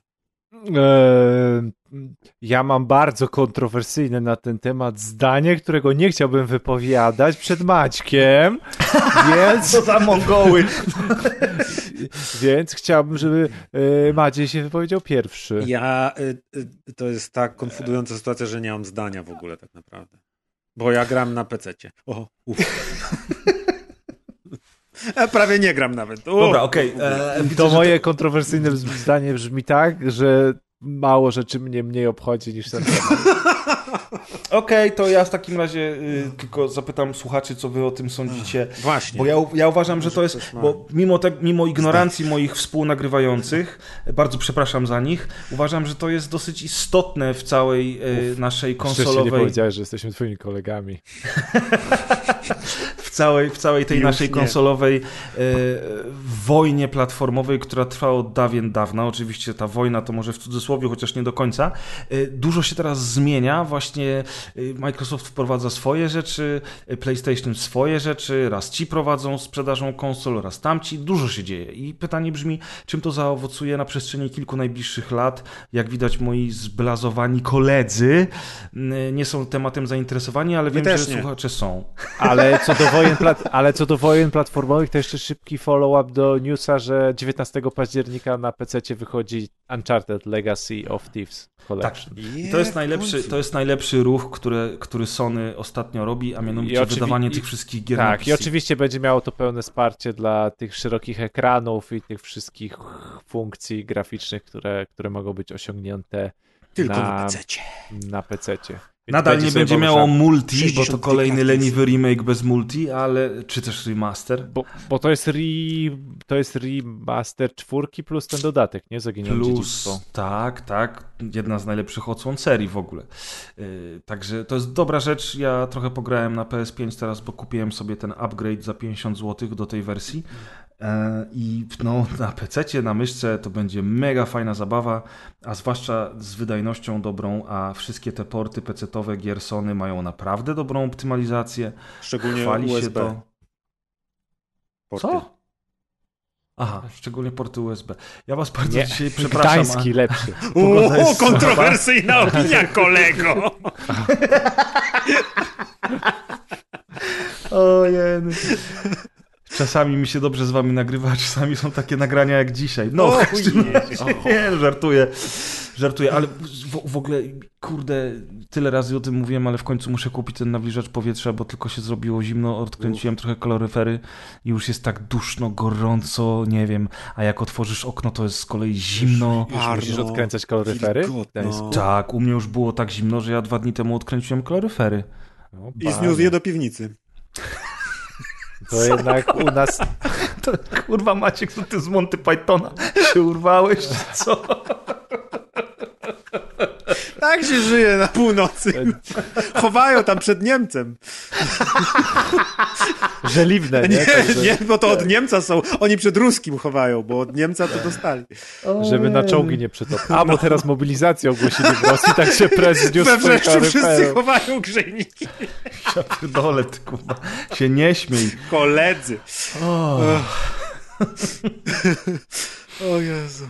Jezus Maria, dobrze, że już koniec tych newsów, to teraz będą same nudy Teraz i można do- kończyć. Nie, tak, teraz my z Deuszem wychodzimy. Okej, słuchajcie. Pierwsza gra bardzo szybko ode mnie, a w zasadzie gry, dwie gry w jednym, e, bo będzie mowa o Lovecraft's Untold Stories 1 i 2. Sequel wyszedł niedawno i pokrótce powiem tak. Lovecraft's Untold Stories to, to, to jest taka gra akcji, trochę z elementami przygodówki, trochę z elementami roguelike'a, która bardzo, bardzo, bardzo, bardzo, bardzo mocno bazuje oczywiście na twórczości Lovecrafta mm, i w której wcielamy się w pewnego detektywa, którego poczynania będziemy obserwować w takiej perspektywie z lotu ptaka 2D, troszkę jak w Blood Omen Legacy of Kain. No i wszystko jest w takim mrocznym pixel arcie, e, dosyć e, przejrzystym, w którym to naszym zadaniem jest o, przechodzenie do kolejnych lokacji e, e, i kill roomów, w których pojawiają się różne potworusy, z którymi będziemy walczyć, jednocześnie rozwijając naszą postać, jej ekwipunek, zdobywając różne przedmioty, które pomagają nam e, w naszej przygodzie, jak chociażby jakiś tam teleport, który przenosi nas w ostatnie bezpieczne miejsce, kiedy uznamy, że zrobiło się zbyt gorąco, albo inne rzeczy dające nam różne różniste buffy. W międzyczasie zdobywamy informacje, które służą tutaj jako tak, taki experience, a po drodze odblokujemy inne postaci, którymi będziemy mogli grać. Fabularnie to nie jest szczególnie istotne, chociaż ma jakieś tam elementy opowiadania historii, ale, ale całość to jest po prostu bardzo przyjemna i bardzo wymagająca y, gra zręcznościowa, w której po prostu walczymy na różne sposoby z hordami przeciwników nas atakującymi. No i przez długi, długi czas powstawał sequel tej gry, tworzony przez tych samych ludzi, którzy jednak mm, pokusili się na stworzenie gry tym razem w rzucie izometrycznym i ręcznie malowanej, w związku z czym zarówno tła, jak i postaci oraz przeciwnicy są ręcznie malowani. Gra ukazała się dosłownie kilka dni temu i przyjęła się z bardzo chłodnym przyjęciem. I ja się wcale nie dziwię, że tak też się stało, ponieważ Lovecraft's Untold Stories 2, e, mimo tego, że jest całkiem ładnie narysowane, chociaż ja tak naprawdę wolę styl jedynki, mimo tego, że jedynka jest pikselowata i dużo uboższa w szczegóły, to jednak jest taka bardziej klimatyczna i mroczna. Tymczasem dwójka z tym komiksowym sznytem nie do końca do mnie przemawia, ale, ale jest problematyczna z zupełnie innego powodu, a mianowicie rzut izometryczny powoduje, że niektóre elementy narysowanej mapy zasłaniają nam to, co się dzieje na ekranie, a kiedy atakuje nas kilka potworów na raz, a my musimy walczyć i robić uniki, jednocześnie pilnując chociażby statusu krwawienia, który bardzo często pojawia się na nas, kiedy zostaniemy draśnięci przez przeciwnika i wtedy musimy użyć bandaży, to po prostu rozgrywka robi się problematyczna do tego stopnia, że uznaje się to za bug. I to jest bug, zresztą tych bugów w grze jest więcej. I całość w ogóle mam wrażenie jest dużo mniej e, dopracowana, jeżeli chodzi o rozgrywkę i poziom trudności. Ta walka jest taka bardziej ślamazarna, tak samo jak unikanie, mimo tego, że już na starcie mamy trzy postaci z sześciu do wyboru, a każda z tych postaci to trochę inny styl rozgrywki, to jednak Żadną z nich jakoś mi się dobrze nie grało. Wydawało mi się też, że poziom trudności jest zbyt wysoki jak e, na sam początek gry, przez co ginie się często, gęsto i to bardzo zniechęca. Natomiast ilość podnoszonych przedmiotów w tej części jest tak ogromna, że cały czas tylko otwiera się kolejne skrzynie i podnosi się kolejne przedmioty, podnosi, podnosi, podnosi, a bardzo często są to przedmioty, które mają dawać nam e, info czy też pieniądze, a nie te naj- najpotrzebniejsze, takie jak chociażby granaty mołotowy czy apteczki.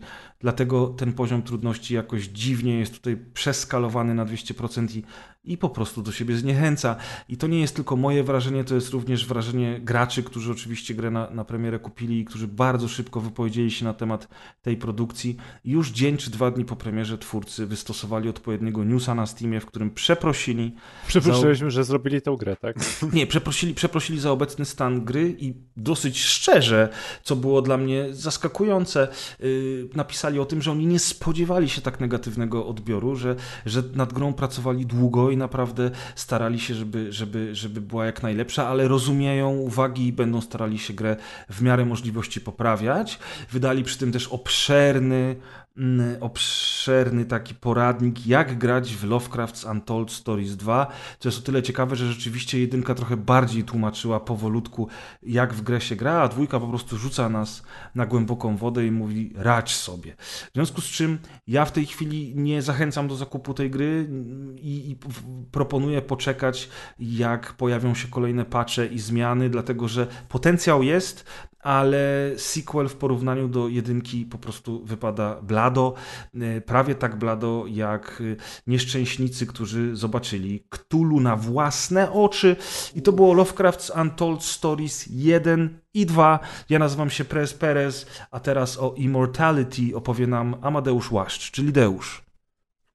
Eee, tak, Immortality, ależ pięknie zrobiłeś przejście, troszkę się tak aż zachwyciłem na chwilę i, i mnie przytkało. Immortality, czyli najnowsza gra sama Barlowa, który chyba najbardziej zasłynął e, tymi swoimi grami FMV, czyli najpierw Her Story, które wyszło już parę lat temu, chyba w 2015 roku, e, i później całkiem w sumie niedawno e, Telling Lies, to była jego druga e, gra FMV. E, no i zapowiedziany był, zapowiedziany był trzeci tytuł, Immortality, świeża premiera, miała to być, miała to być największa e, e, gra, mm, gra, gra, jego gra do tej pory. E, no i rzeczywiście, rzeczywiście taka jest. E, ona wyszła na PC i na Xboxa i chyba jest też planowana wersja mobilna tam na iOSa i, i Androida ale, ale, ale na, na PlayStation nie wyszło. A propos gier konsolowych i nawiązania do newsów. Yy, o co chodzi w tej grze? No, w tych grach FMV, w tych, w tych w, w tego typu grach chodzi o to, że tak naprawdę my gra polega na rozwiązywaniu zagadki poprzez, poprzez oglądanie filmu i szukania pewnych powiązań w tych filmach i odkrywania kolejnych kawałków nowych filmów, tak żeby gdzieś tam się nam ta e, fabuła e, w pewien e, logiczny i w pewien logiczny ciąg układała. To brzmi jak tym, gra sama Barlowa. Tak.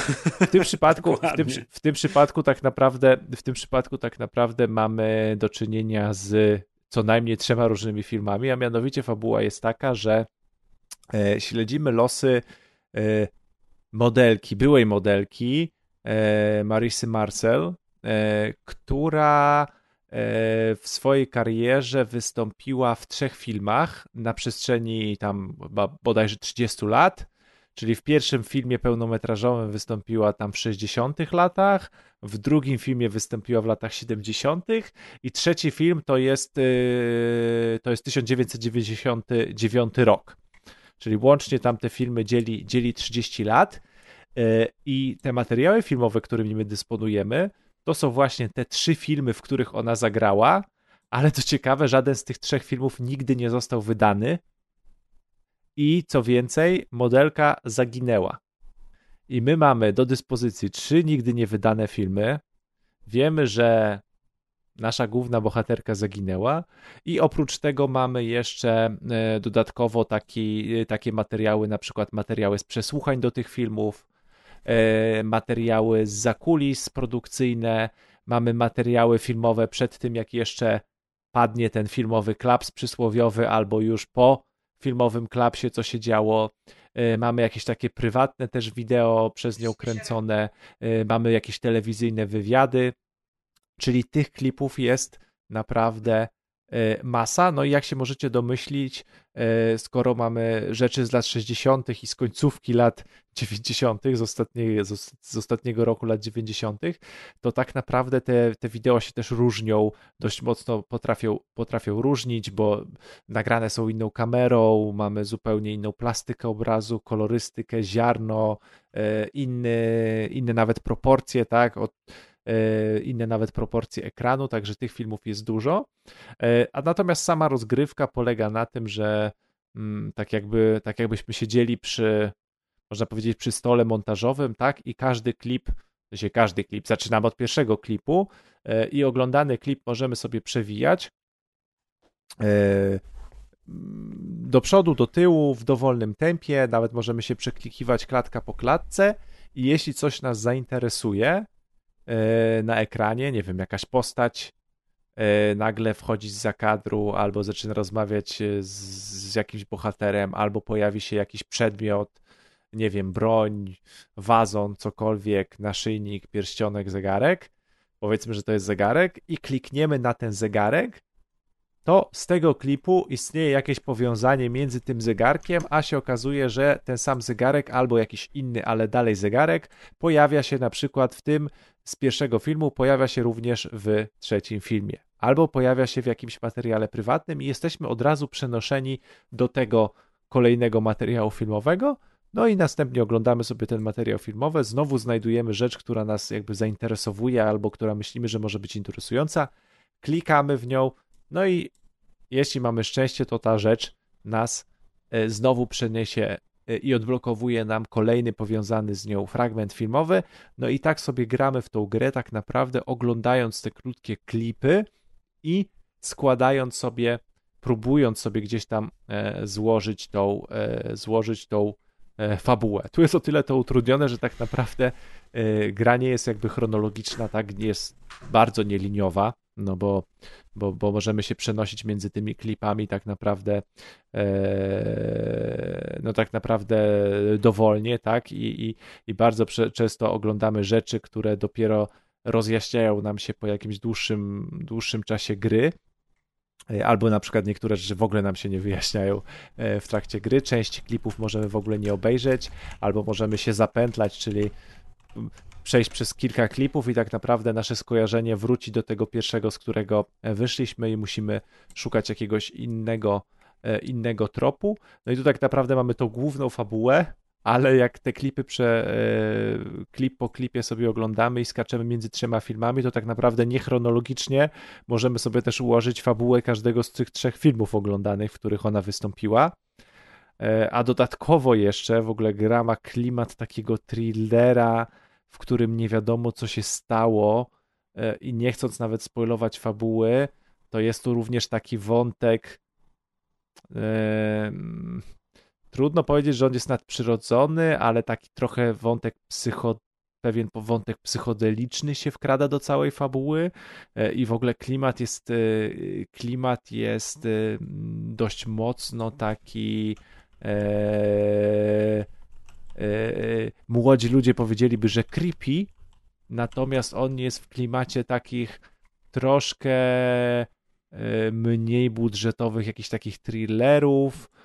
Dla mnie, dla mnie cała ta fabuła i, i to, jak bardzo ona jest nie, jakby nieoczywista i, i, i jak, jak jest, nie wiem, prowadzona zagadka sama, jak mm, jaki jest dreszczyk oglądając te, mm, te wszystkie filmy, to mi się gdzieś tam z tyłu głowy koła, ko, koła, kołatają takie thrillery, nie wiem, jak na przykład Enemy Wilnewa z Jake'em Gyllenhaalem. Wow. Mm -hmm.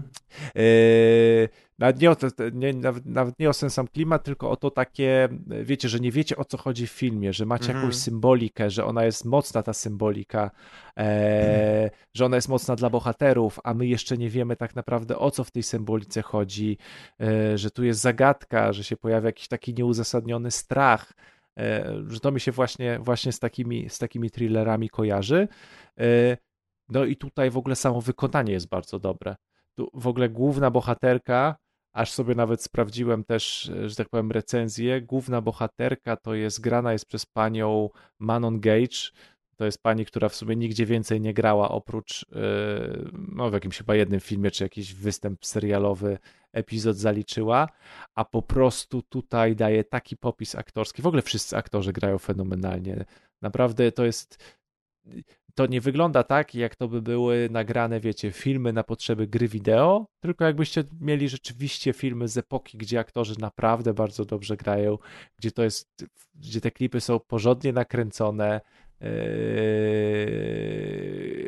świetne udźwiękowienie, muzyka, to wszystko wygląda na tyle profesjonalnie, że jak zaczynacie to oglądać, to rzeczywiście tak jakbyście, wiecie, siedzieli przy tym komputerze i przewijali te fragmenty filmowe, bo ktoś by wam je podesłał.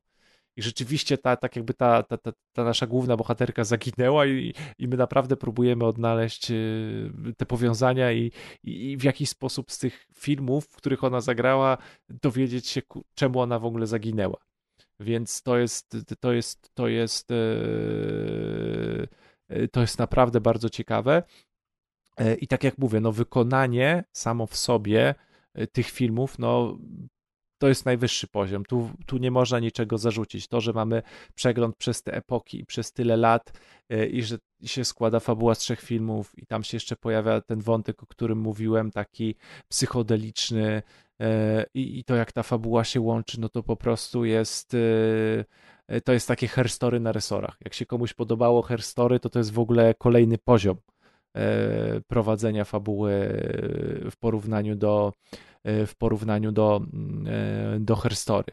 Jedyna rzecz tak naprawdę, do której tu się można przyczepić, o ile do niej się można przyczepić, to jest fakt, że bardzo wiele rzeczy nam się w tej grze udaje przypadkiem. Czyli no, widzimy jakiś klip, nie wiemy gdzie go ruszyć, no to zatrzymujemy i klikamy na tego bohatera, wiecie, który gdzieś tam stoi. No i nagle nam przynosi, nas gdzieś przynosi. Albo oglądamy coś i klikamy na wazon, który jest, wie, wiecie, w jakiejś scenie i to nas przynosi do innej sceny, w której jest ten wazon. E, więc, więc po prostu bardzo często to jest po prostu, żeby odblokować te nowe klipy i gdzieś ruszyć fabułę, to bardzo często, przynajmniej tak mi się wydaje, że, że nie tyle nas prowadzi nos i jakby przeczucie, gdzie dany wątek może iść i w co powinniśmy kliknąć, tylko to jest bardziej takie, takie e, trochę klikanie na oślep. No i jednocześnie tak naprawdę to tutaj możemy klikać w nieskończoność i w końcu się doklikamy, odblokujemy te wszystkie klipy.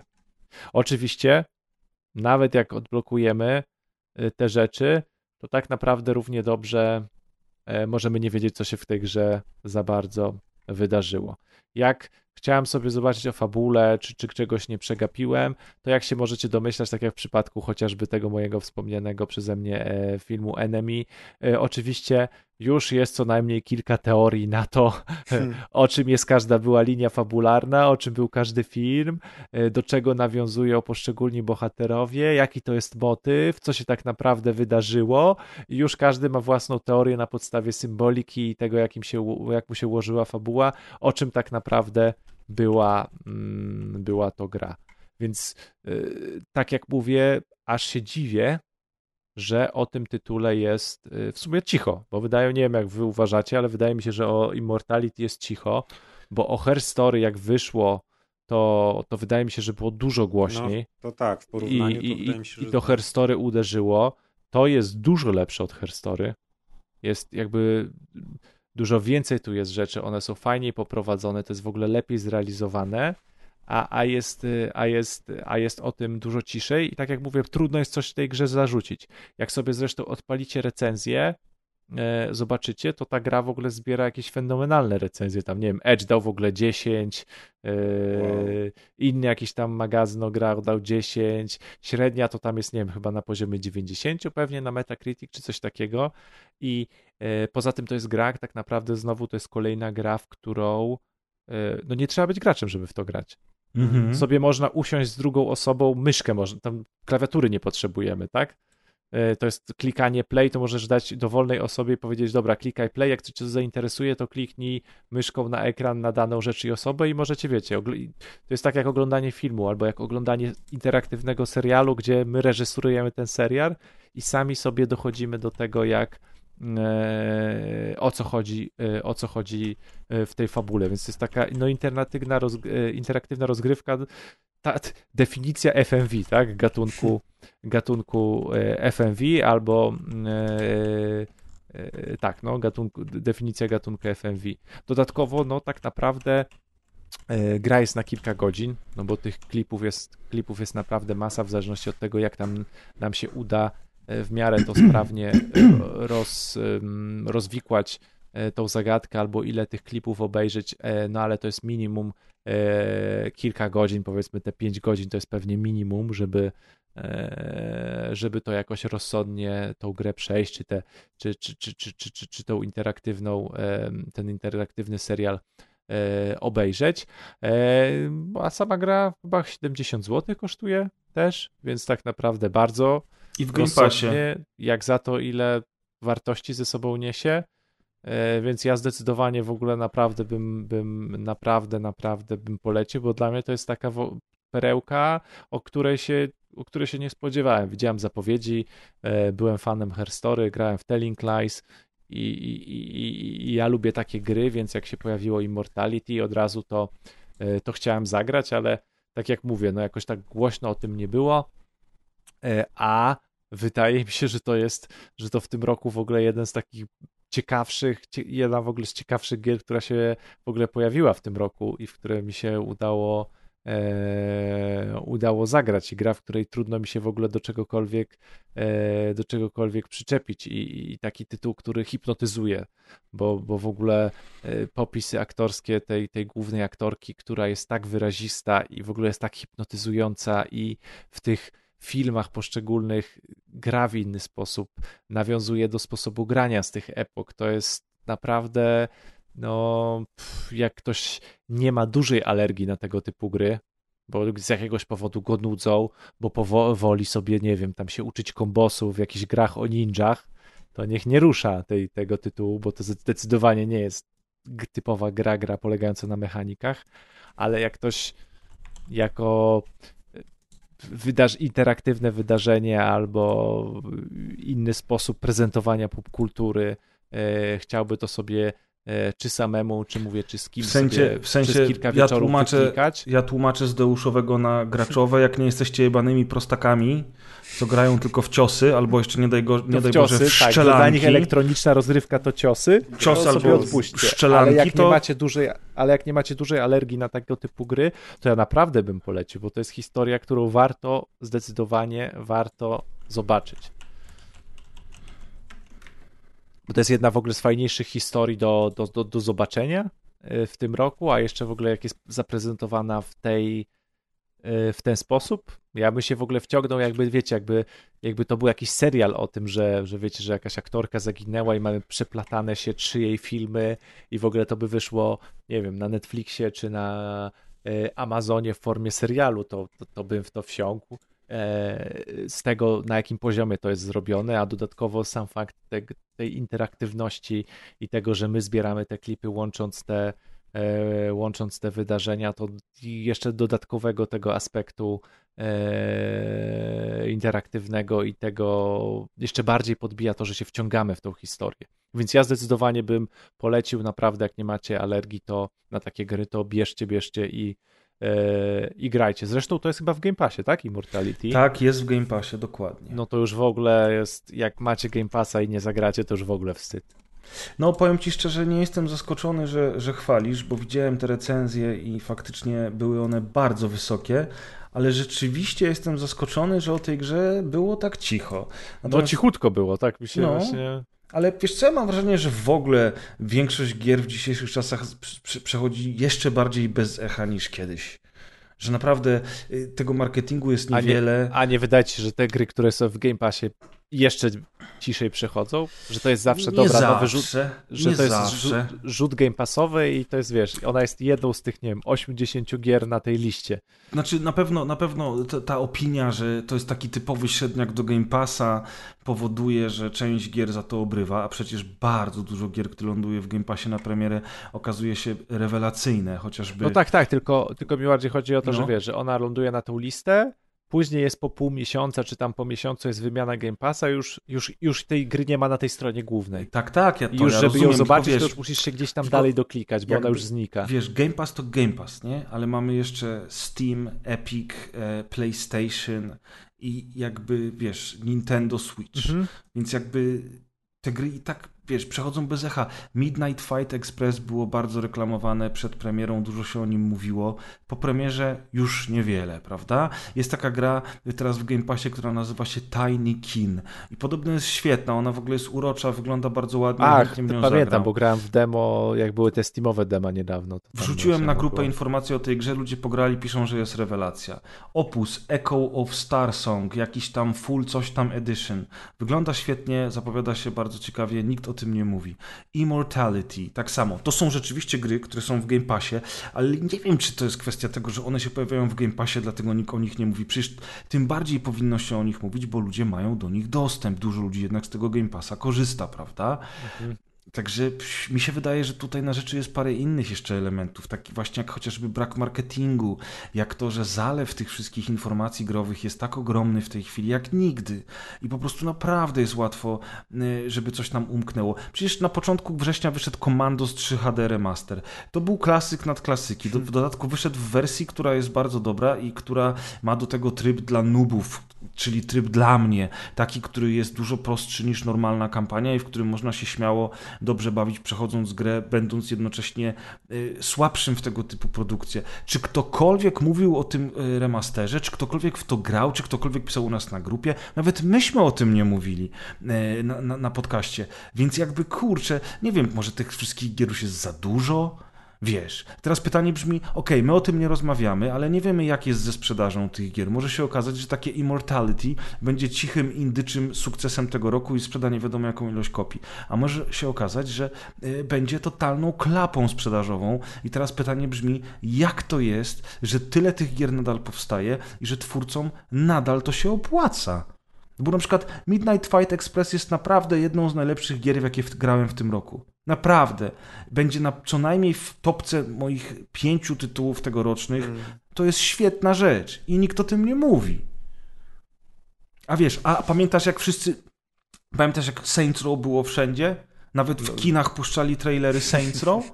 I nagle wyszła, nagle jest premiera, okazuje się, że gra jest kiepska, recenzje są kiepskie i, i, i ten cały tam CEO Embracer em, Group mówi tylko, no jestem zdziwiony straszną polaryzacją wśród recenzji tej gry. Generalnie rzecz biorąc spodziewałem się większego sukcesu. Nikt nie mówi, nikt nie gra, reklamy się skończyły, Bóg wie ile pieniędzy w ten marketing poszło i tak się żyje w tym giereczkowie, nie? Nie wiem, No takie niestety. przemyślenia takie właśnie o. Za dużo gier wychodzi, dlatego. No, mi się też tak wydaje. A tymczasem, yy, tymczasem moderzy, słuchajcie, to jest news, który mi mignął dosłownie y, 15 minut temu. Jesteśmy po sekcji newsów. Tak, wiem, ale to jest ciekawostka. Moderzy w Spider-Manie na PC zaimplementowali już tryb FPP. I można grać w to masakrycznie. osoby To pierwszej. według ciebie to jest news? To Bo już to stare jest, jak bo świat. to, ta kamera jest jakby umieszczona, wydaje mi się, na sztywno na modelu głowy i po prostu lata w prawo i w lewo i bardzo ciężko jest nawet na to patrzeć, a co dopiero grać. Ale no, zawsze jakaś ciekawostka. No dobra. PC to wszystko można. No ciekawe, ciekawe czy oni z tym Spider-Manem robią. Już nawet był koncept y, moda, który wprowadzi kooperację, ale w sumie to nie wiem, czemu akurat teraz o tym powiedziałem. Nie wiem. Tak po prostu chciałem o tym powiedzieć. Wow! I lecimy dalej z tematem. Y, Amadeusz, chcesz jeszcze coś o Immortality? Nie. Jak ktoś ma Game Passa, to musi zagrać, a jak ktoś nie ma Game Passa, to, To musi też musi zagrać. A co jesz? Powiedz nam, co jesz teraz? Wykałaczki. E, płatki. Płatki. A z mlekiem Do czy z wodą? twarzy? Nie, takie małe ryżowe płatki. W Małe sensie, to nie, ryżowe było, płatki. chrupki się mówi, takie krążki, ale nie te takie duże, Styropian. tylko takie malutkie. Tak, styropian. No, zima ciężka idzie, Czyli- to jest. Dociepla się od wnętrza. Czyli nie ciasteczka Belwita. Nie, Naj- nie ciasteczka Belwita. Szanuję swoje zdrowie. Okej, Immortality y, i Amadeusz już za nami, a teraz o Visage, takiej gierce horror, która bardzo mocno umaczana jest w klimatach PT, która PT była inspirowana. Opowiemy troszeczkę ja i Maciej. Mm, Ja pograłem, Maciej y, pograł. Nie pograliśmy zbyt wiele, nie zamierzamy grać więcej. Mm, Natomiast Bo? to jest... Bo jesteście nieprofesjonalnymi recenzentami? Czy Tak, też, między innymi dlatego właśnie. Okej. Y, Ty się nie wypowiadaj, bo ty Nie byś- szanujecie słuchaczy? Tak? ty nawet byś 5 screenów minut się zesrał, dokładnie, nigdy. więc zamknij mordę. Jedz te płatki, kurwa. Właśnie chciałem, chciałem graj w te zrobić... twoje elitarne chciałem- gry.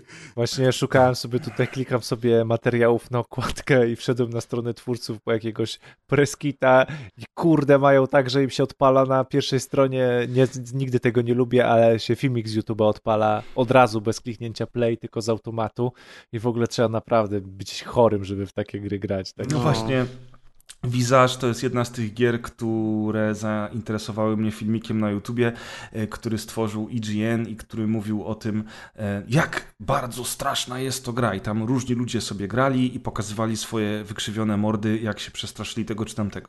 I uznałem, Trochę to chyba będzie dla mnie za straszne, bo jednak ja wolę takie gry jak Resident Evil czy The Evil Within, gdzie jest więcej akcji, trochę skradania. Ja przede wszystkim mam możliwość walki, e, ale mówię, Wszyscy mówią, że to taki duchowy spadkobierca PT, że nikt się nie spodziewał niczego konkretnego. Okazało się, że gra jest świetna, ma bardzo dobre recenzje, ukazała się na PC-tach, na konsolach, bla, bla, bla i faktycznie ma całkiem niezły klimat.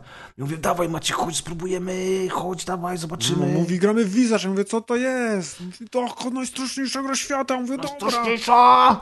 No i wiesz, i kurwa, to był błąd, nie? I, kurwa. I to był błąd. kurwa, pograli. To sobie pograliśmy kurwa, masz tych A co jest takim błędem? Znaczy, y, gra zaczyna się od tego, że bohater, w którego się wcielamy y, w swojej piwnicy bodajże morduje całą swoją rodzinę, strzelając im w głowy z pistoletu. Obserwujemy to oczywiście z perspektywy y, pierwszej osoby, a następnie sam sobie w łeb strzela.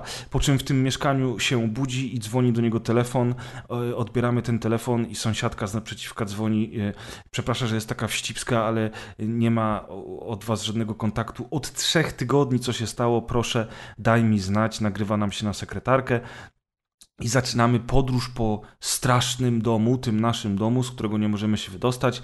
Jednym z pierwszych mega smaczków, i to akurat mi się strasznie podobało, jest radio, w którym speaker mówi o tym, jaka pogoda nadchodzi w najbliższym e, czasie e, na, nad ten rejon, w którym dzieje się akcja gry, po czym mówi, a teraz z nami gość specjalny i wymienia imię i nazwisko tego bohatera, w którego się wcielamy i mówi z takim już, jest, jest to bardzo mocno przerywane, bo radio zaczyna funkcjonować, powiedzmy tam y, Jan Kowalski, który zamordował całą swoją rodzinę i wiesz, zaczynają się dziać rzeczy i sprawy. Gra chwali się tym, że przede wszystkim bardzo wiele elementów straszących pojawia się losowo. Tylko te losowe elementy straszące to jest na przykład właśnie zapalające się lub wyłączające się radio, telewizor albo y, pękająca żarówka. Inne elementy są wyreżyserowane, a my musimy poznać historię całej naszej rodziny, y, odwiedzając po kolei różne lokacje tymi członkami sim. rodziny, tak, tak no. związane. Ale to jest walking sim i teraz tak, gra jest straszna, ma, straszy dźwiękiem, klimatem, światłem, robi to bardzo dobrze, aż za dobrze, dlatego, że wprowadza strasznie mocne uczucie niepokoju, dla mnie za mocne. Yy, przyznam szczerze, dla mnie za mocne. Yy, chociaż chciałbym poznać. Beksalala, beksalala. Chciałbym poznać historię tej gry, bo początek strasznie mnie zainteresował. I, i, i, i mimo tego, że uważam, że ten wstęp z egzekucją rodziny jest pokazany zbyt dosłownie. Ja jest taki nie... przeciągnięty, bez cięć i strasznie taki naturalistyczny i też. Naturalistyczny wydawało, i brutalny, on, tak. On, on, on by był, nie wiem, lepsze wrażenie by zrobił, gdyby był fajnie zmontowany, a to jest po prostu ciągła jakby bez cięć jedna sekwencja czterominutowa, kiedy on siedzi, powoli ładuje ten pistolet, te dzieci, ta matka I naprawdę płaczą, zabija powoli, tę rodzinę. Jedno, drugie zabija. I to jest takie bardziej właśnie już yy, takie torture porn tak, niż horror. Tak.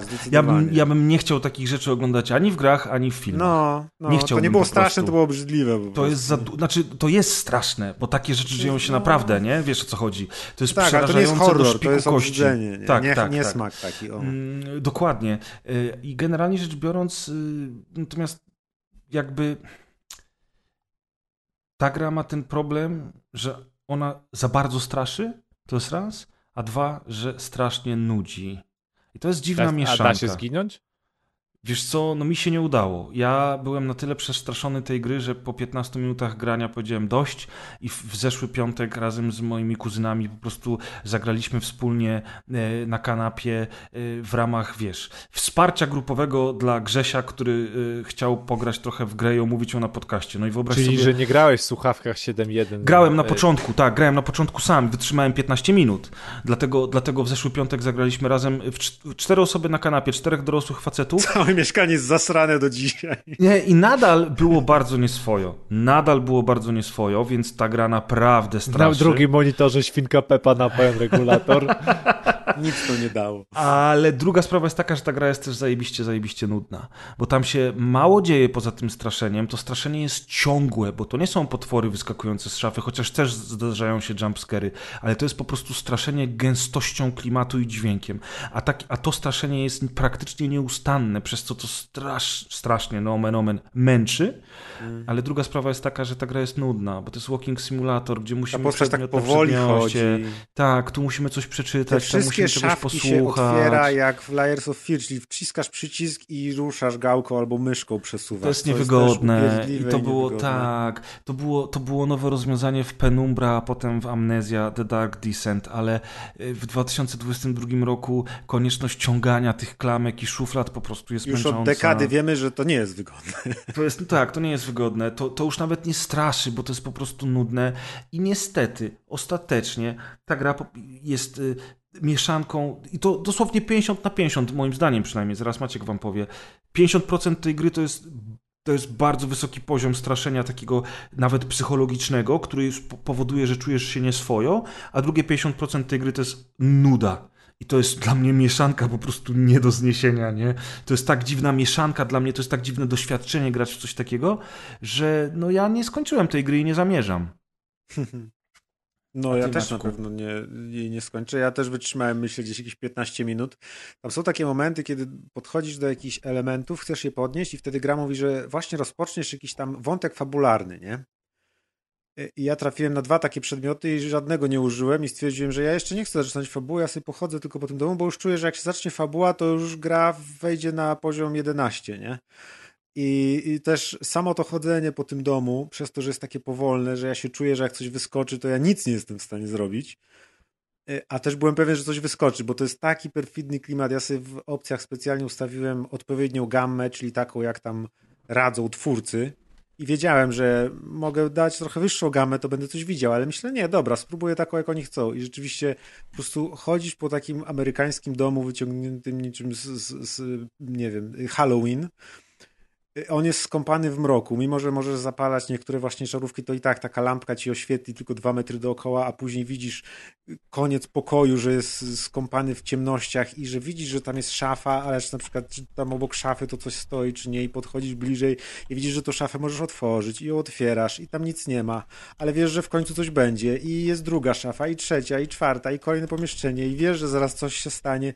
I rzeczywiście ja też już po prostu takich nerwów dostałem po 15 minutach chodzenia po tym domu, gdzie nic się nie działo tak naprawdę, bo a to gdzieś tam coś skrzypnęło na strychu, a to się jakaś y, żarówka nagle spaliła, to ją tam wymieniłem, albo coś, ale też właśnie były takie nerwy, jak właśnie w filmie horrorze, tylko że no wiadomo, w filmie horrorze jest to łatwiej wytrzymać, bo się tylko tam ściskasz y, kocyk, zsiesz kciuka i, i patrzysz się na telewizor, a tu musisz sam grać ale no była taka nerwowa, że ja już wiedziałem, że jak tu się zaczną dziać rzeczy typu ja otworzę szafę, a tam będzie jakaś twarz, to ja się zesram ze strachu. I też stwierdziłem, że nie, ja już, ja już mam swoje lata, ja już się w życiu horrorów naoglądałem i nagrałem i kiedyś mi się to bardziej podobało, a teraz już nie i o nie, to jest kompletnie nie coś, co mnie interesuje i podziękowałem od razu, więc nawet nie rozpocząłem żadnego wątku fabularnego. W tym nie, no myśmy, myśmy rozpoczęli, myśmy tam dużo chodzili po tym mieszkaniu, tam potem się, wiesz, otwierają kolejne przejścia, e, lustra stają się portalami, więc podróżujemy to, to domostwo jakby podróżujemy po jakby różnych wymiarach, tak mi się wydaje, w tym domostwie przenosząc się w inne wersje tego domostwa albo w inne czasy tego domu. Mm, trafiamy w, na, w, potem w końcu i do piwnicy, i do garażu, i tak dalej, i tak dalej. Dziękuję. Tylko właśnie momentami to straszy. Świetna jest sekwencja ze strychem w ogóle na samym początku i wejściem na ten strych. Właśnie były drzwi na strych i ja tak myślę, a kliknę i było, że nie możesz dosięgnąć. I myślę, no i chuj, dobrze, nie pójdę po żadną drabinę. Nie mogę dosięgnąć, to nie mogę. Znajdujesz taki chwytak, którym, wiesz, sięgasz po te, po te takie rozsuwane drzwi do, tak, na ten strych, jak, jak w tych wszystkich filmach amerykańskich. Y, wiesz, tam jest dużo fajnych pomysłów, ale no, ostatecznie okazała się to być mieszanka zupełnie nie dla mnie. Ja to już chyba trzeba być takim właśnie już... koneserem takiego bardzo specyficznego gatunku, bo wydaje mi się, że to jest właśnie tak jak Amnezja i te inne, to jest taki wyjątkowy gatunek, który Resident Evil 7 się trochę do niego zbliżył, ale jednak był taką grą akcji z taką tradycyjną linią fabularną i tak dalej. A to Właśnie, są takie a to nie jest tak, że gry... niektóre, niektóre ludzkie mózgi są tak skonstruowane, że ta ilość adrenaliny dostarczana przez ten poziom strachu to jest po prostu ta adrenalina, którą organizm chce i tam takim osobom, nie wiem, nie przeszkadzać będzie nuda, bo one po prostu to odpalają, żeby mieć to pompowaną, ten typ adrenaliny do krwi właśnie przez ten rodzaj strachu. Oni po prostu mogą chodzić, pałętać i się szwendać, bo im nie chodzi o gameplay, tylko o to, żeby... Jeszcze lubią to takie Żeby czuć ten niepokój no. właśnie, tak. Y, no, na pewno są tacy ludzie, którzy, którzy y, jakby czerpią z tego adrenalinę, inaczej te gry by nie powstawały. Co więcej, jest cała masa tego typu produkcji na Steamie. A Jak różnych- się nazywały te gry, co się z kamerą wideo szło? Outlast. O, pamiętam jak próbowałem grać pierwszego Outlasta. Też bardzo szybko stwierdziłem, fuck this shit, nie ma mowy, nie? No, to też była straszna gra. Ja zawsze mam ten problem z horrorami, że są takie, które do mnie przemawiają i ja wtedy jestem w stanie grać po ciemku ze słuchawkami na uszach, jak chociażby w Resident Evil 7, a są takie, które paraliżują mnie do tego stopnia, że ja odpuszczam bardzo szybko, jak chociażby Amnesia The Dark Descent, ta pierwsza część Amnezji. Więc e, nie wiem, z czego to wynika, Deusz.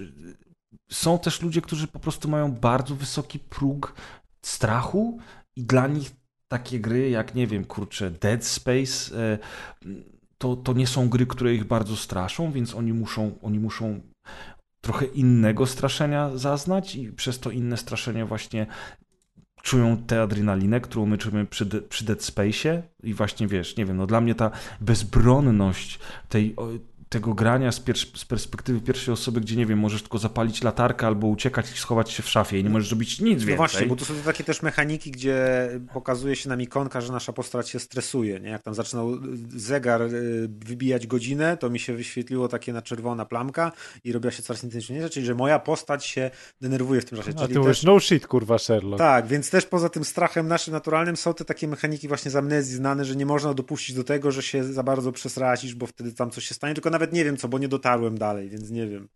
Ale, ale takie właśnie mechaniki. Ja też tego za bardzo nie lubię, tych horrorów, które ci właśnie pokazują ikonkę, że teraz się boisz, nie? Bo ja się boję bez tej ikonki nawet bardziej.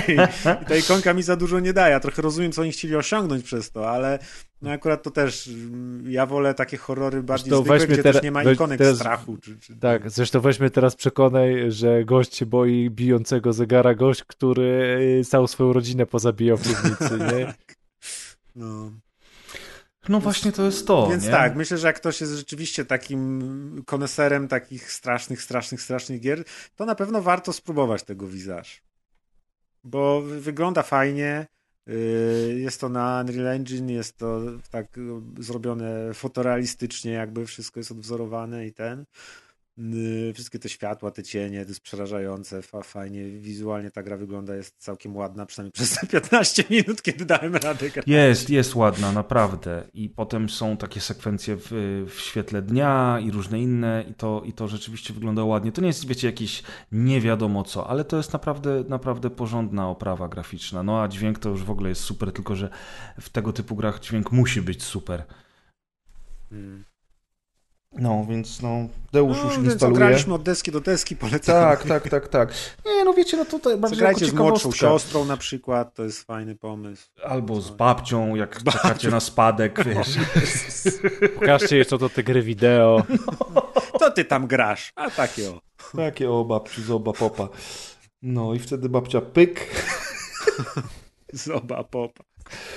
No nie, no ale, ale rzeczywiście, jeżeli jesteście takimi frikami, którzy tego typu produkcje lubią, to, to, to Visage może was naprawdę nieźle e, przestraszyć i wciągnąć. No, a e, teraz Amadeusz opowie nam o tym, czy wciągnął go Roller Drome.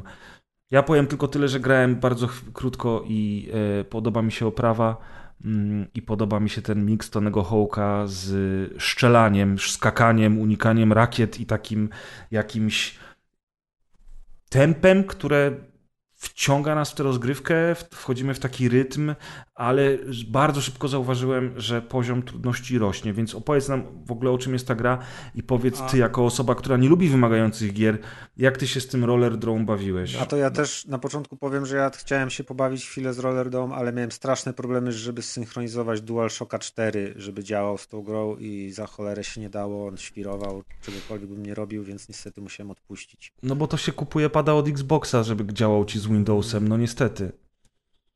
No Nie, to tak. nie jest, wiesz, wrzuta ani, ani beka, tylko no niestety, no taka Nie, no to prawda. Prawda. prawda, ży- prawda życiowa. Trochę to prawda, bo trzeba z tym padem od, od DualShockiem kombinować, no ale zazwyczaj jeszcze coś się dało zrobić, a tu w tym Roller Dome wyjątkowo coś nie, więc aż musiałem odpuścić. Coś nie Y- pykło. No.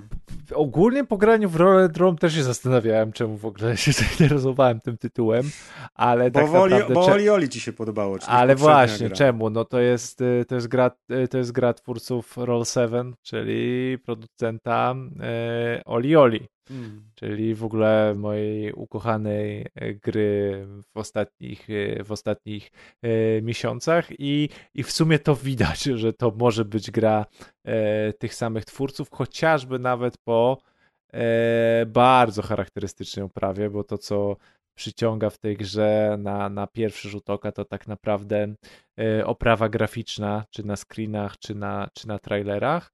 A druga sprawa to jest to, o czym w ogóle sama gra jest, bo wydaje mi się, że jakbyście opowiedzieli komuś, o czym tam gra jest, to ten ktoś mógłby pomyśleć, że sobie wymyśliliście taką grę i ona nie istnieje. Bo gra jest o tym, że w świecie, w pewnym utopijnym świecie istnieje sport, który się właśnie nazywa Rollerdrome, który polega na tym, że gość z bronią na wrotkach wpada na planszę, która jest, nie wiem, jakimś takim połączeniem zwykłej, nie wiem, takiego skateparku z jakąś zwyczajną architekturą utopijną, nowoczesną, z, z takim po prostu, nie wiem, czasami z jakimś takim podwórkiem, ale mamy tam elementy z typu rampy, rury, takie trochę właśnie, e, trochę jak ze streetowego skateparku. No i zadaniem tej osoby, która wpada z bronią na rolkach jest taka, żeby pozabijać wszystkich, e, wszystkich różnych przeciwników, przy okazji robić triki e, i przeżyć.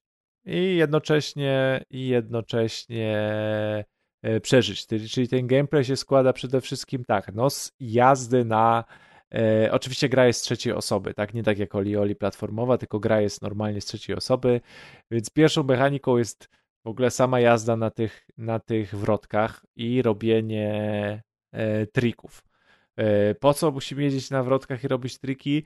No, żeby zdobywać punkty, ponieważ w grze i żeby zdobywać punkty, ponieważ punkty są nam potrzebne do tego, żebyśmy odblokowywali amunicję. Amunicja jest nam potrzebna do tego, żebyśmy e, mogli e, zabić naszych wrogów. Czyli oprócz tego, że nie dość, że musimy dobrze na te wszystkie przeszkody najeżdżać, zastanawiać się, jaki trik zrobić, gdzie wylądować, to jednocześnie musimy celować do przeciwników, e, celować do przeciwników i do nich strzelać, a jednocześnie, jak już do nich nie strzelamy i robimy te triki, to jeszcze przy okazji tak musimy jeździć po tej planszy i robić te triki, żeby jeszcze unikać, e, bo oczywiście nasi przeciwnicy nie są bez, bezbrodni, więc jeszcze dodatkowo musimy unikać e, no pocisków, tak, unikać, do nas strzelają po prostu przeciwnicy i musimy e, i musimy po prostu dany etap e, przeżyć. No i cały etap polega na tym, że musimy go przejechać,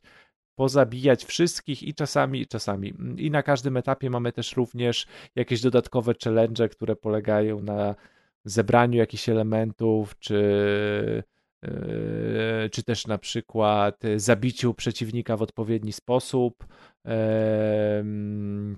zabicia z odpowiedniej broni i tak dalej, i tak dalej. Czyli mamy podstawowe przejechanie planszy, zabicie wszystkich przeciwników plus e, dodatkowe challenge. I tak naprawdę gra jest skonstruowana, tr- można powiedzieć, trochę podobnie do Oli Oli, czy do tego typu gier, ze względu na to, że ona polega w dużej mierze na tym, żeby dany etap powtarzać dużo razy i szukać, można powiedzieć, takich dróg przejazdu optymalnych.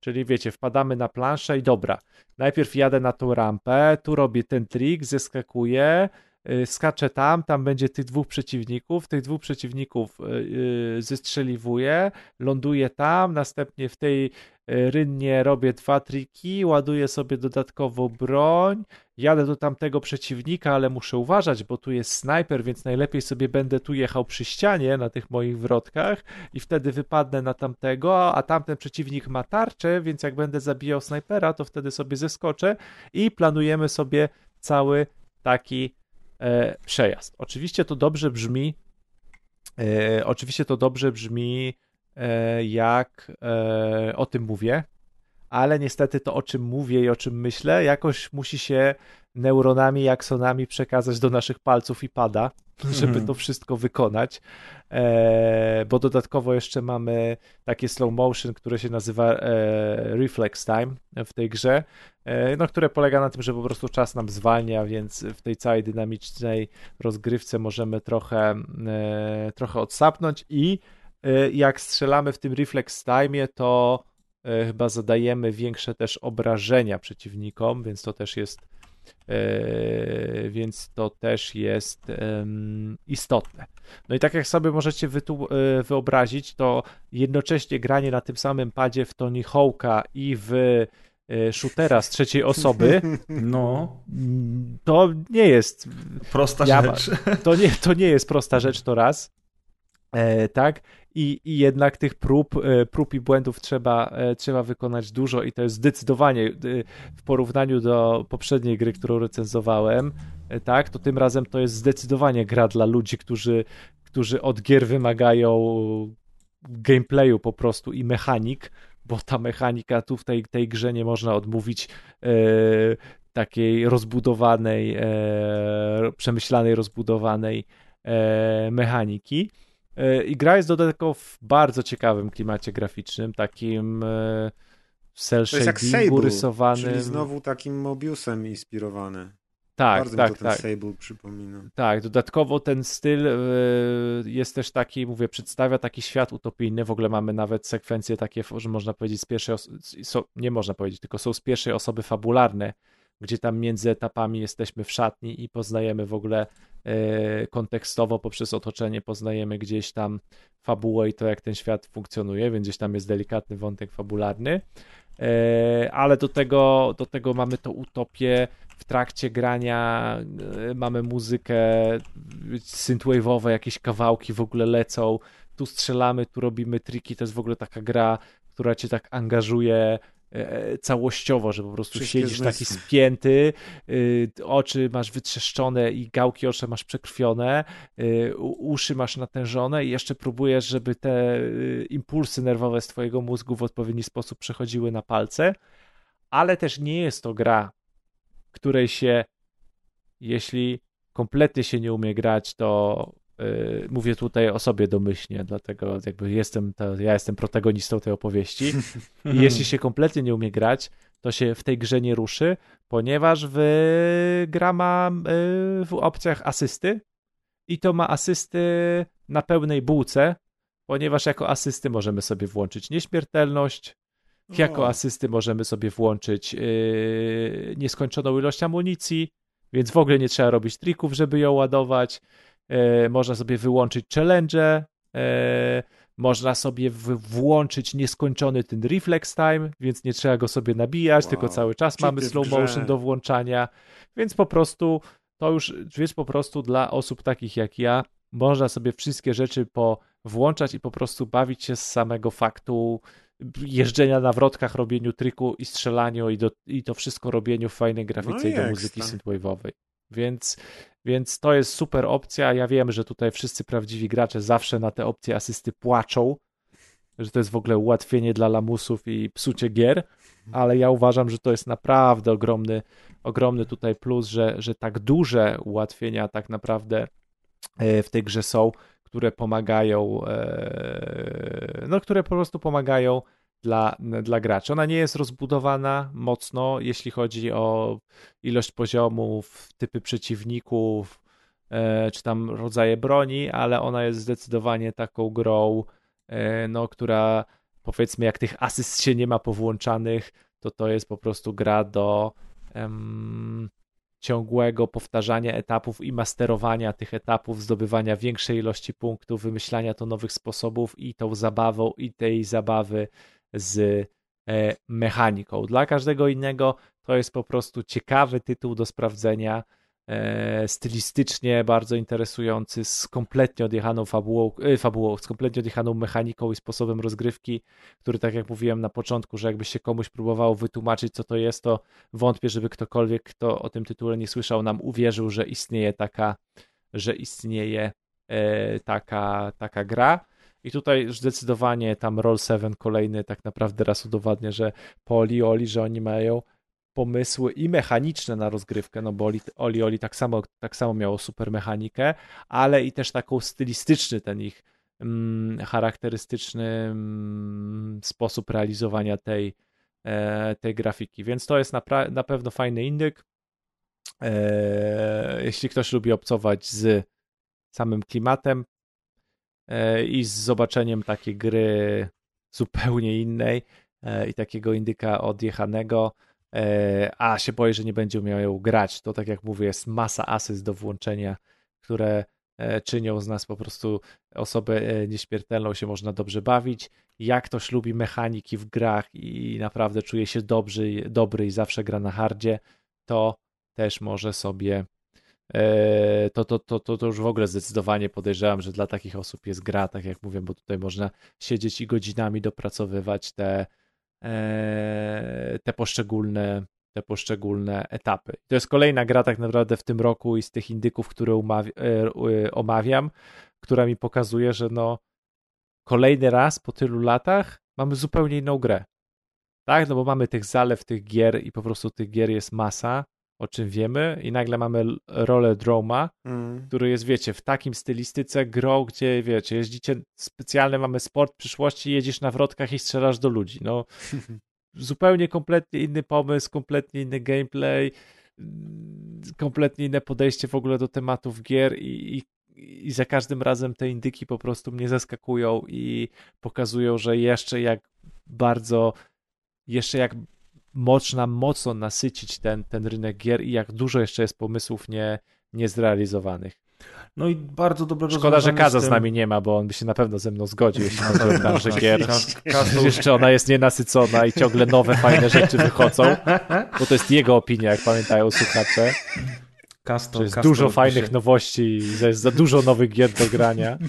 Kasto już by się w newsach świetnie bawił. Co dopiero teraz. W każdym razie, w każdym razie ja chciałem tylko powiedzieć, że to rozwiązanie, że grę można dostosować pod własne wymagania, czy też pod własne skille, to, to jest coś pięknego. Ja zawsze propsuję takim rozwiązaniom w grach. A tryhardzi dupa cicho.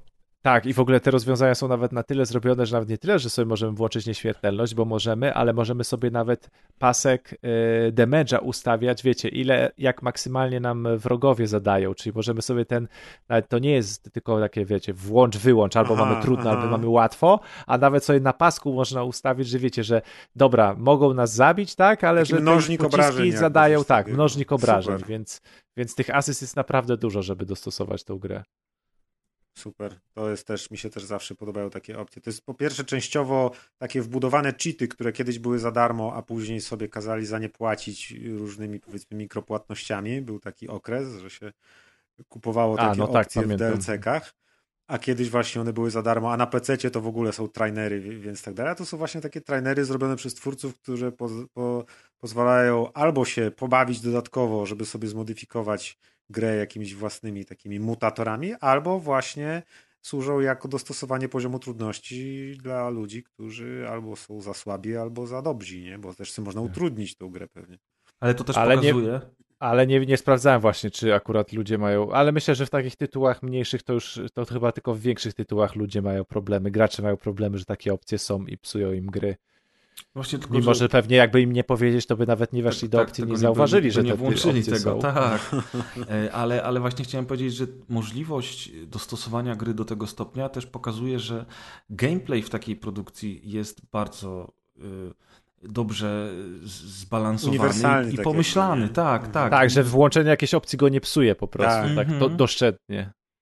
To jest świetny news, więc, więc tutaj jak, jak najbardziej to jest rzecz To nie jest godna news, pochwały. newsów się skończył. No, Tak, a jeszcze chciałem- informacja. Jeszcze chciałem, e, żeby się tradycji stała zadość, muszę szybciutko, jak jeszcze będziemy przyciągali tą recenzję, to szybko sprawdzę e, cenę Roller Drome i scena ta A. wynosi o 134 zł. To jest, O, to, to jest Sporo. większa gra. To, jest, to już jest sporo.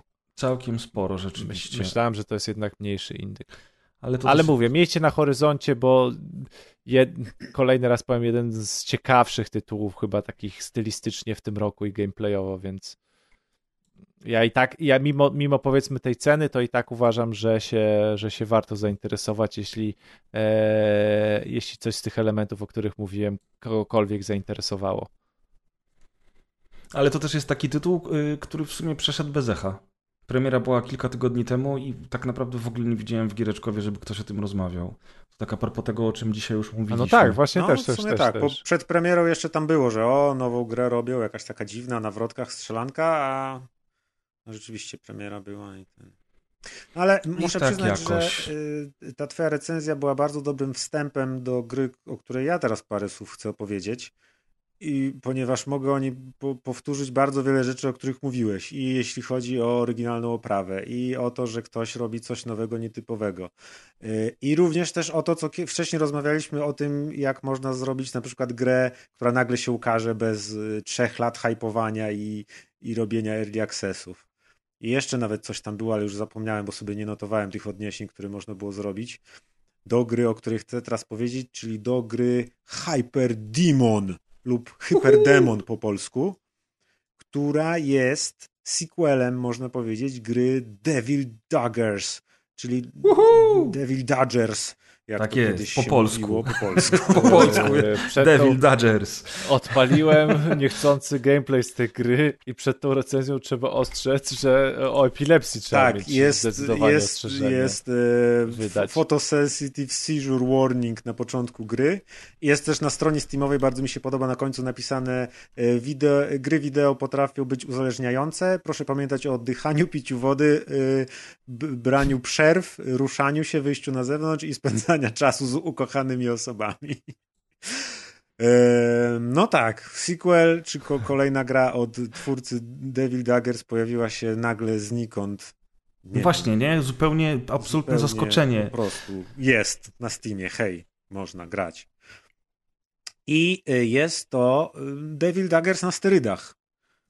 Co jest dobre albo złe w sumie. Ja po tym jak się zagrywałem w Devil Daggers, to tak mi się spodobała stylistyka tej gry, że aż mi się marzyło, żeby y, kolejną grą tego twórcy był jakiś może Właśnie- single player. Właśnie, tak, właśnie cię chciałem zapytać, bo słuchacze, którzy grali w Devil Daggers, mogą sobie zadać zapytanie, gdzie jest jeszcze miejsce na sterydy w Devil Daggers? No No właśnie.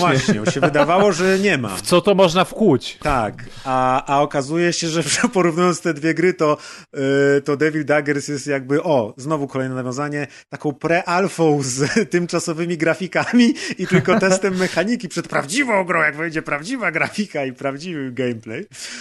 Yy, No bo tak, jak ktoś nie wie, czym było Devil Daggers, to był taki powiedzmy rogalikowy, bardzo dziwny shooter arenowy, taka bardzo arkadowa gra, w której polegało to na tym, żeby jak najwięcej się nastrzelać i jak najdłużej wytrzymać na arenie, która jest zalewana przeciwnikami z każdą sekundą coraz większą ilością tych przeciwników i tam się tylko biega po takim okręgu i strzela i trzeba przeżyć jak najwięcej i się gra na czas tak naprawdę. Yy, I to było super. To wystarczyło. To okazało, okazało się, że, że to było na tyle świeże i na tyle ciekawe i z taką oprawą też graficzno-dźwiękową, kojarzącą się z jakimiś demonami Cthulhu połączonymi z, ze stylistyką wizualną pierwszego Quake'a i, i z taką mega dynamiczną właśnie rozgrywką. Wszystko skąpane w takim horrorowym klimacie z latającymi czaszkami i krwią i strasznymi dźwiękami. Yy, że się właśnie wystarczyło yy, taki prosty pomysł na grę, żeby się spodobało. Żeby spędzić przy niej wtedy. co najmniej kilka godzin, jak nie więcej. Zagrywaliśmy się bardzo Tak. dużo, nawet cała grupa nasza e, razem z nami rywalizowała na high score. Gra Kto dłużej wytrzyma. Była, była tania dosyć nawet, więc to też Tak, to ona była tania. No i teraz nagle się okazał sequel, który jest właśnie Devil Daggers na sterydach. Jak zrobić sterydy w Devil Daggers? No okazuje się, że się da dosyć epileptycznymi właśnie yy, środkami, ponieważ wizualnie mm, jest. W ogóle za, zamysł gry jest praktycznie identyczny. To jest to samo. I nawet teraz tak sobie pomyślałem, że można powiedzieć, że tak jak Devil Daggers było takim Quake'iem, to to jest taki powiedzmy Quake 2. Czyli niby wszystko to samo, niby dalej strzelamy, niby dalej założenia są takie same, ale ta gra jest zupełnie inna, jak się na, na nią spojrzy i o wiele bardziej rozbudowana. Bo wizualnie stylistyka zmieniła się na tyle, że tak jak jedynka była bardzo czytelna i nie miała zbyt wielu efektów specjalnych, yy, tam tylko latały postacie i, i nasze wystrzeliwane z ręki yy, te dagger to jest co? Sztylety. Sztylety. Sztylet. Sztylety i, i jakaś tam krew tylko błyskała. Tak tutaj jest po prostu psychodeliczna turbodyskoteka na kwasie LCD, ponieważ w- wszystko ze zwykłych tekstur zmieniło się w półprzezroczyste, świecące yy, kolorami benzyny, jakieś migające, błyskające Ta stylistyka mi się kojarzy z... kryształy takie w Takie ciemności z jaskrawymi kolorami LEDowymi, jakimiś Ja- też żółciami. ja ci powiem, że-. Nie miałem jeszcze okazji zagrać, ale oglądałem e, materiały z gameplay na YouTube i o ile w Devil Daggers spędziłem wiele godzin i ten klimat, oprawa graficzna i, i, wszystko dookoła było fenomenalne, o tyle jak patrzę na to, co się dzieje w Hyper Demon, to dostaję oczopląsu. No, Nie tak. wyobrażam sobie, jak ja mam jeszcze w to grać w ogóle, wiesz. Właśnie to jest trochę problem. To może od razu powiem, że y, tak jak mi się spodobały nowe rzeczy w tej grze, tak jest właśnie tak podkręcony ten hardkorowość tego tytułu, że ja też nie dam rady w niego na pewno tyle grać, co grałem w Devil Daggers, bo jest, wydaje mi się, o wiele trudniej. Na, na, na ekranie dzieje się mnóstwo rzeczy. Też przez to, że, że te kolory i, i nie dość, że w ogóle są kolory, to są właśnie rozbłyski, jakieś mgły latają, ten ekran wygląda jak jakiś właśnie taki teledysk y, progresywnej grupy rockowej, y, acidowej jakiejś, to gameplayowo też się dzieje o wiele więcej, bo trochę się zmieniły zasady. Ja też dokładnie nie wiem, y, bo się jeszcze nie wczytywałem, ale troszkę inaczej się liczy ten czas i też jest coś takiego, że chyba im szybciej zabijasz przeciwników, tym gra jest trudniejsza, jakieś takie rzeczy są wprowadzone, więc to nie jest tak. Jedynka była bardzo powtarzalna, tam się działo w każdej sekundzie dokładnie to samo. Wiadomo było, że tam w 20 sekundzie się pojawi ten demon, a tutaj coś tam ten, a tutaj podobno jest to jakieś takie bardziej zróżnicowane. Ja też nie wiem, bo ta gra wyszła dosłownie wczoraj. Ja w nią zagrałem dopiero, nie wiem, tam z 15 minut przy niej spędziłem. Yy, więc kilka tam rozgrywek tylko zaliczyłem. Jest w niej tutorial, co jest fajną opcją, ponieważ tak jak jedynka właśnie była bardzo prosta, można było strzelać yy, ogniem ciągłym lub takim shotgunowym powiedzmy trybem, tak tutaj jest mnóstwo mechanik, co jest świetną sprawą, bo tak, po pierwsze jest bardzo urozmaicone poruszanie się. Możemy robić yy, takie te rocket jumpy, nawet w powietrzu, tam chyba do trzy razy można się odbić w tym powietrzu, może nawet więcej. Jest skok, który przytrzymując spację możemy przedłużyć we wślizg, który jeszcze puszczając przed zakończeniem wślizgu można przedłużyć w jeszcze dłuższy skok. Plus po każdym skoku, jeśli zmienimy kierunek, możemy momentalnie zmienić jakby kierunek, w którym biegniemy, czyli możemy z ślizgu zrobić wyskok i lądując wyskoczyć w kompletnie innym kierunku, czyli ta dynamika poruszania się jest ogromna. Jest coś w rodzaju takiego daszowania. Jest y, y, mechanika, gdzie jeśli w ostatniej sekundzie przed taką czaszką, która na nas leci, czy jakimś tam innym przeciwnikiem, który już prawie ma nas zabić i mu się wtedy oczy świecą na złoto, jeśli wtedy zrobimy unik, to robimy taki unik z dodatkowym slow motion. Yy, Są power-upy, które się zbiera, to są to takie świecące na niebiesko kryształy z takim słupem światła w, w, w górę idącym. Te power-upy chyba są różne rodzaje. Ciężko mi też powiedzieć, co one robią. Wydaje mi się, że zwiększają moc, y, czasem niektóre spowalniają czas. Y, Pojawia się też taki efekt niesamowity, który też jest, tu widzę na Steamowej stronie y, opisany jako groundbreaking i to jest mm, tu jest napisane, że to jest sferyczna projekcja. No, mniej więcej chodzi o coś takiego, że mamy widok tak jakby z bardzo wysokim fowem, czyli trochę tak jak się w Alien vs Predator grało obcymi, że ten fow jest Mhm. bardzo wysoki, ale ten fow jednocześnie nie oddala i nie zmniejsza nam tego, co jest w centrum ekranu. Bo zawsze jak się właśnie fow zwiększa, to zyskujemy to, co widzimy po bokach, peryferyjną tą naszą wizję, ale zwiększa się percepcja odległości, czyli to, co mamy na środku, staje się mniejsze, ci przeciwnicy są jakby dalej. A tutaj jest to tak zrobione, że zyskujemy tą peryferyjną wizję aż do takiego momentu, gdzie mamy praktycznie 180 stopni pole widzenia i widzimy bardzo dużo rzeczy, które nas gdzieś tam z boku czy od tyłu próbują zajść. To też dopełnia tylko tej psychodelii całej, która tam się dzieje. Yy, jest jeszcze a propos nowych mechanik, mechanika strzelania laserowego, ponieważ możemy w, w, w, pierwszej części w Devil Daggers były tylko takie kryształy, które zbieraliśmy i one tam już nie pamiętam, co tam nam dawały. Chyba też nam napełniały One dawały, supera, one, one, takiego, one, nie? one nas upgrade'owały, że po jakiejś tam części, po jakiejś tam ilości A, tych kryształów kilkudziesięciu- miałeś e, większy, jakby silniejszą moc tak, strzelania, tak, tak, czy, tak, ta ręka czy coś takiego. paliła. To tutaj też są takie kryształy, nie wiem czy one zwiększają normalnie moc, chyba tak, ale też widać jak one się kumulują wokół naszej ręki i jak się skumulują tam do pewnej wartości, to też coś tam się dzieje, plus te kryształy możemy łapać, przytrzymać i gdzieś rzucić, a też jak je rozbijemy na mniejsze, to zamiast je normalnie wchłonąć, możemy je powiedzmy wchłonąć, a jednocześnie wtedy to się robi prawym przyciskiem, zamiast one normalnie do nas przylatują bez żadnej naszej ingerencji, to możemy je prawym przyciskiem wchłonąć i one się zmieniają w taki laser a la railgun, czy coś takiego. On jest mocniejszy, plus się, to jest takie te niebieskie promienie, które wylatują. On czasem się potrafi jakoś zakrzywić, nie wiem, czy on atakuje wiele celów, ale też no po prostu dyskoteka na 102. Yy, Ten Railgun też ma jakieś tam inne właściwości, że potrafi właśnie wrogów na, na jeden strzał rozwalać czy coś, więc to też jest jakby kolejna broń. I no, doszedłem do momentu w tych tutorialach, gdzie już nie dałem rady powtórzyć sekwencji, bo one są fajne, bo pokazuje ci na górze, na górze się pokazuje lista y, komend, które masz wykonać i co one robią i trwa takie demo, gdzie widzisz te akcje wykonywane, a potem klikasz, że chcesz spróbować samemu i patrz i, i, i robisz to samemu. I o ile tam początkowo jakieś tam rocket jumpy czy coś dawałem radę robić, ale później jak jest sekwencja, jak trzeba pokonać trzech przeciwników i, i zrobić jakieś konkretne rzeczy, to już się naprawdę robi trudno, więc nawet już później nie, nie, dokończyłem tych tutoriali, ale one fajnie tłumaczą w fajny sposób te wszystkie nowe mechaniki, więc mm, jakby mo można je w wygodny sposób poznać.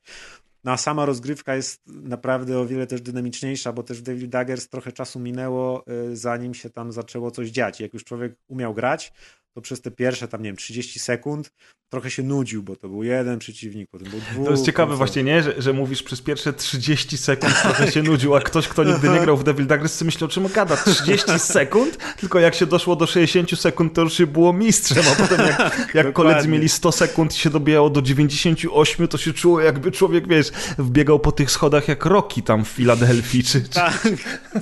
wiesz, tutaj, tutaj akcja na pewno o wiele szybciej się rozkręca, o wiele szybciej się dzieją rzeczy i sprawy.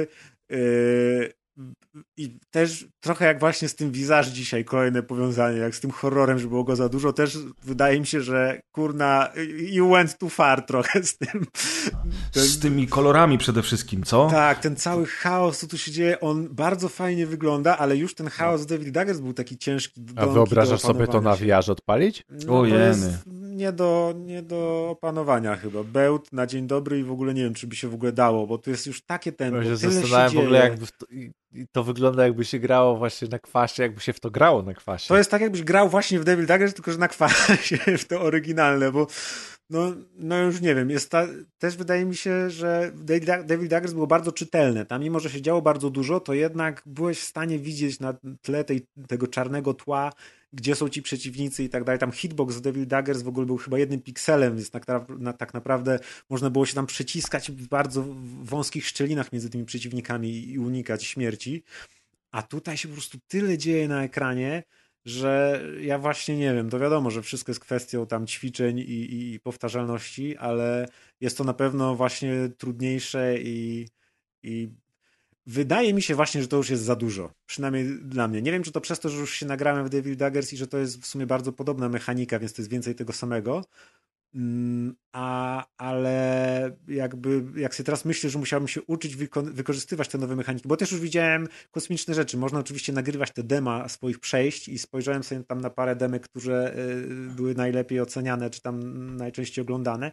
No to ludzie robią kosmosy, typu, że oczywiście na początku sobie olewają tych przeciwników i dopiero jak ich całym rowie, to oni nagle robią jakieś super combo, tutaj wykorzystują te nowe skille i typ nagle odlatuje kilometr w górę, włącza jakieś slow-mo i zaczyna z samej góry w dół strzelać tymi railgunami, rozwalając ich po kolei. To wszystko wybucha i ten no, po prostu kosmos, więc na pewno jest o wiele więcej możliwości. Ta gra zyskała na, na takiej regrywalności, to jestem pewien, no bo, bo, bo, bo są nowe mechaniki, nowe rzeczy do nauki, do masterowania ale też kurde, no to jest taki poziom hardkoru mi się wydaje, że to już jest dla tych ludzi, którzy sobie wiecie, grają w Counter-Strike'a tylko na snajperkach mm. i to w ogóle bez aim, aim, tego celowania i nie wiem co tam Bez jeszcze. grafiki.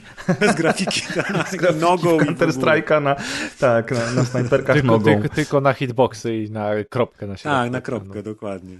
Więc oj, oj, oj, ja patrzę cały fajnie, czas na te gameplaye. ale ja chyba pasuję, nie? Czyli wiesz, ja, ja, ja kocham Devil Daggers, to była jedna z tych gier, o której wszyscy rozmawialiśmy i Ona ja też się tak patrzę... trochę znikąd pojawiła, bo tam by, Tak, były to jakieś, też było zaskoczenie. Na Twitterze twórcy, on jakieś tam czasem animacje dawał gify, ale to w ogóle o tym nie było hypu. Też się nikt nie spodziewał, co to będzie. Dopiero jak wyszło się okazało, że to jest super. No ja teraz patrzę, że, że mam w Devil Daggers na Steamie 9,5 godziny i mówimy tu o grze, no w którą gra się od minuty do dwóch, prawda? No, czyli, tak. czyli jeżeli wbiłem prawie 10 godzin, ile to jest rundek, ile tam było grania, ale, jak, jak to ale niesamowicie ja patrzę, wciągało. Ten Hyper Demon wyszedł, przepraszam, 19 września, tak? No dwa dni temu. No, no a to jak ludzie mają po 150 godzin wbite w to? W koment... no, wystarczy nie co spać. wystawili recenzję. Wiesz co, może to było wcześniej w Early Access, może to jest tak. kolejny... To, Okay. to jest kolejny przykład, słuchaj, gry, która od dawna istnieje, a myśmy nie mieli pojęcia, prawda? Swoją drogą jest 310 bardzo pozytywnych e, recenzji od dwóch dni od premiery, to też o czymś świadczy, ale faktycznie y, 7 godzin, godzina, gdzie ty mówisz, 4 godziny, 10 godzin. No Jak to tam gdzie? rozwiniesz, 147 godzin ktoś ma na przykład, 151. Wow, no to chyba faktycznie, to chyba faktycznie albo było w Early Access, albo ludzie, którzy byli jakimiś testerami, nie wiem.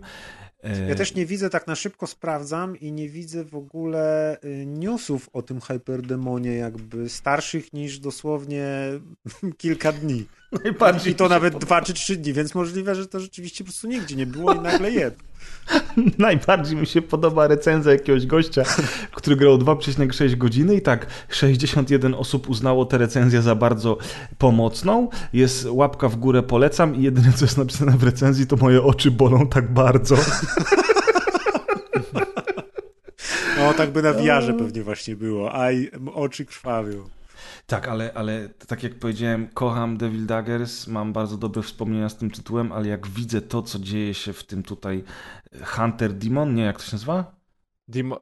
Hyper Demon. Hyper Hyper Demon. Demon, nie Hunter, Hyper Demon, to w ogóle nie chcę w to grać. Podejrzewam, że jakbym już usiadł i bym zaczął grać, to bym tak samo wciągnął się w ten loop, jak to było w przypadku pierwszej gry tego twórcy, ale jednak ta kolorystyka kwasowa właśnie, taka No najpierw jakaś tam, wiesz, psylocybina i odpalasz sobie. Tak, jest, i- jest, jest po prostu straszna. Znaczy też wydaje mi się, że próg Czemu on we- poszedł w tym kierunku? Też mi się wydaje, że próg wejścia jest większy, bo właśnie jest więcej tych mechanik. I w Devil Daggers od bidy, jak skakałeś i strzelałeś, to gdzieś tam powoli byłeś w stanie progresować. A tutaj bardzo szybko musisz, bez tego daszowania sobie nie poradzić, bez tego używania tego railguna też sobie dużo nie poradzić i tak dalej, więc wydaje mi się, że jakby właśnie próg wejścia jest większy, bo musisz więcej rzeczy opanować na początku.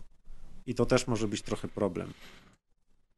No ale No, nic nie stoi na przeszkodzie najpierw sobie pograć Devil Daggers, które kosztuje 35 zł na Steamie, ale pewnie gdzieś można je dostać o wiele taniej.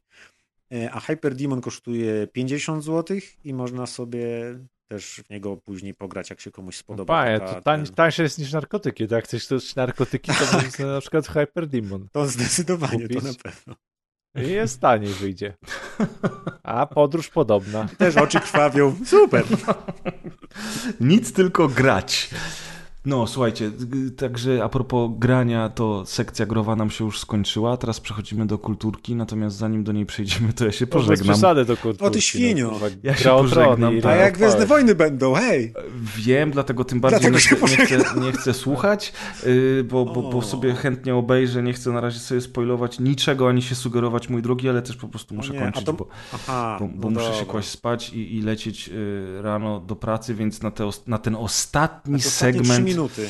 Tak, jestem ten ostatni segment. e, Zostawię was samych. Myślę, że Dobrze. sobie poradzicie. Nie bój się, A. Deusz, nie zadręczę cię. A ja wam ślicznie dziękuję. Pozdrawiam, całuski, buziaczki, papa. Papa. Elo. E, No i nagrywamy od nowa. No nie. nie, już nie uda się bez preza tak dobrze o tym Realms Deep opowiedzieć. No dlatego o to chodziło, dlatego nagrywamy od nowa. I to, okej. To zacznijmy nie od kulturki. raz newsy bez Rims Deep. To zacznijmy od kulturki. E, zrobimy. e, A nie, to się potem ciebie zrobi. Powiem tylko. Na... E, oglądasz, może jesteś zainteresowany pierścieniami władzy, czy nie? No nie, nie wiem, wydawa- wydawało mi się, że jak któreś rozgrywce robi, robiłem już swój rant do Władcy Pierścieni, że dla mnie to jest opowieść o krasnalach. I... No, dobrze. I teraz pytanie, czy jesteś zainteresowany? Bo to dobrze. że ja w ogóle, I że ja w ogóle nie żywię żadnego sentymentu i może, wie, może, e, może, nawet, może nawet żywię pewną niechęć, Oj, ponieważ, ponieważ e, no nie wiem, za czasów nastoletnich chyba. Mhm. e, czyli w latach 2000. E, tak, tak, no. Czyli, czyli to pewnie był gdzieś 2005 powiedzmy. Krasnal No, cię dotknął, skrzywdził cię. Nie, moja babcia, e, moja babcia, e, jak już tak wiesz, zacząłem pochłaniać inne książki niż e, tam Krasnal Hałabała w tarapatach w Sumilowym Lesie, to moja babcia mi powiedziała, że w ogóle wiesz, miała na, na półce, miała na półce Władcę Pierścieni i w ogóle taka zachwycona mi zawsze mówiła, że no, że to już w ogóle muszę przeczytać, że jest klasyka taka, e, że to jest taka klasyka fantazy i w ogóle no na pewno będę zachwycony. Ja pamiętam, że wbuszałem to po prostu w siebie, zupełnie mi się nie podobały. I, I moja babcia mówiła, że się w ogóle nie znam, a z kolei mój dziadek, a z kolei mój dziadek mówi, że się znam, bo to jest opowieść o krasnalach. I dlatego mi tak I zostało, to nie może że być ja dobre i jestem- wartościowe. że ja jestem w teamie, że to jest opowieść o krasnalach, a, pu- a, później, a później jak przyszedł film, to się jeszcze bardziej... To się potwierdziło. Tak, się Sprawdziłeś i kurna, faktycznie to jest o krasnalach. Nie tylko przez ci, że- pierwsze 10 stron, ale i później. Tak, i że rzeczywiście, jak się zrobi z tego film, to z książki o krasnalach wychodzi film o krasnalach. Czyli bardzo wierna, bardzo wierna adaptacja. Tak, to była jedna z wierniejszych adaptacji. Także w ogóle nie jestem zainteresowany. No to dobrze. Znaczy śledzę z boku dramę, jako wiesz, Ach. jako sprawia mi przyjemność ból innych ludzi. To znaczy, że jesteś Polakiem. To jest, to, jest ta, to jest ta polskość, która jest we mnie, więc śledzę te wszystkie dramy. Natomiast, natomiast raczej nie jestem zainteresowany e, serialem. Natomiast jestem w, razie, jestem w miarę na bieżąco, tak, że jest cztery odcinki do tej pory wyszły, czy tam czy pięć, Ja już tak? też nawet nie wiem, czy trzy, czy cztery. No bo, no bo tutaj trzeba powiedzieć, że oczywiście to w takiej y, starej, klasycznej konwencji, którą dalej ciągnie HBO, czyli że te odcinki się pojawiają co jakiś. To nie HBO. e, no tak, Amazon, No. ale chodzi mi, że to HBO Aha, cały czas jakby tym, kultywuje, Mhm. kultywuje tą tradycję, że nie wypuszczania wszystko tych naraz. sezonów największych tak. seriali na raz, tak? Przeciwstawia się tym trendom streamingowym i Ma tu też to- Amazon. Tak. Ma to zalety rzeczywiście takie, że rzeczywiście ten serial żyje dłużej w świadomości ludzi, ale też cię... No ten to akurat żyje chyba nawet za długo. Jak tak patrzy po internecie, to... Coś w tym jest. Ja też bym chyba wolał właśnie, to jest trochę jak z taką gorzką pigułką. Wolałbym to wszystko naraz przełknąć już mieć spokój, niż czekać z tygodnia na tydzień, ponieważ ukazał się kolejny odcinek i moje zdanie z, z tego, co ostatnio opowiadałem, się nie zmieniło, a nawet się pogorszyło i bardzo bym chciał lubić ten serial, bo lubię i książkę, i, i Czyli filmy. podupada. Ale tak, i to śród, ten świat śródziemia uwielbiam i, i zawsze kolejny odcinek wychodzi. Ja myślę, dobra, może jakieś widoki chociaż będą fajne, może coś. I tu się też niby po, pojawili orkowie w końcu i oni nawet fajnie wyglądają, bo są zrobieni praktycznymi efektami. To są tacy brzydcy krasnale. To są tak, te to- brzydkie krasnale, tak. Ale niestety fabularnie to tak szoruje po dnie, że tego się nie da oglądać. I i już były nawet momenty, ja tak nigdy praktycznie nie robię, ale były momenty, gdzie ja już przewijałem i po prostu Uła. niektóre wątki już są takie, że ja widzę, że się zaczyna wątek i ja po prostu przewijam, bo mnie nie interesuje. Nigdy tak nie robię. Raz tak nauczyłem się tak robić na serialu y, z Apple'a C, tym takim serialu, co A, pamiętam, co ogląda- co niewidomi ludzie są wszędzie. I tam, te, tam się pierwszy raz nauczyłem przewijać. I okazało się, że to działa. Był tam jeden wątek i go przewijałem i dalej mogłem oglądać serial. Nikt, nikt tego nie sprawdza, więc można przewijać. Więc tu już zacząłem robić tak samo i oj, moja miłość do Śródziemia jest ogromna, więc będę chyba cierpiał niestety co tydzień i tą godzinę spędzał zagrywając zęby i uderzając się ręką w czoło. Ale, ale dobrne do końca. Chociaż nie wiem, bo jak tak dalej będzie szło, to kto wie, może to jednak porzucę mimo wszystko. A do Ale końca, no. czyli to będzie 8, czy bardziej 12? Znaczy myślę o pierwszym sezonie na razie, hola, hola. Aha, 8 odcinków już nawet sp- sprawdziłem O- za ciebie. odcinków było oś- A, że sezonów, no, no tak. No 8 odcinków to jeszcze ścierpię, nie? To jeszcze jakoś, jakoś może dam radę, ale jest naprawdę, jest mi naprawdę i ciężko i jest mi smutno po prostu. Bo no za cholerę nie mogę się do tego przekonać. No ale trudno, dobrze. Yy, druga sprawa, tu już ważniejsza. Czy oglądałeś grę o Tron? Yy, oryginalne, prawi, Tam jest mało krasnalów. Sezony. Tak, oryginalne, prawilne sezony oglądałem, ale tego prequela, co teraz leci na HBO, Aha, niestety nie. Ale tamte 8 masz za sobą. Tak, bo tak jak mówiłem, ja jestem cały czas w tym trybie, że tę dwuletnią nieobecność Disneya na, nadrabiam. E, e, jako fan pelerynek nadrabiam tą dwuletnią Mhm. nieobecność Disneya No tak. chronologicznie w Polsce, więc teraz aktualnie skończyłem e, tam e, Miss, Miss Marvel. Więc jeszcze troszkę mi zostanie, później Gwiezdne Wojny, więc dopiero wtedy ruszę na Grę o Tron, Mhm. czyli jakoś myślę, myślę, że na świąteczny odcinek rozgrywka 2023 możesz mnie pytać, jak tam. Gra o Tron. O, to pewnie wtedy, chociaż nie, ja to może szybciej obejrzę. Bo zacząłem oglądać Grę o Tron jako jeden z ostatnich ludzi na świecie. Y, Jak była premiera, to obejrzałem pierwszy sezon i nie pamiętam, co się stało, ale później już nie oglądałem. Y, Dla przypomnienia, jak ktoś nie pamięta, jest myślę, Boże, który mamy rok, gdzie ten Razer się w ogóle uchował. To, to ten serial 10 miał lat już? premierę 11 lat temu No w właśnie. 2011.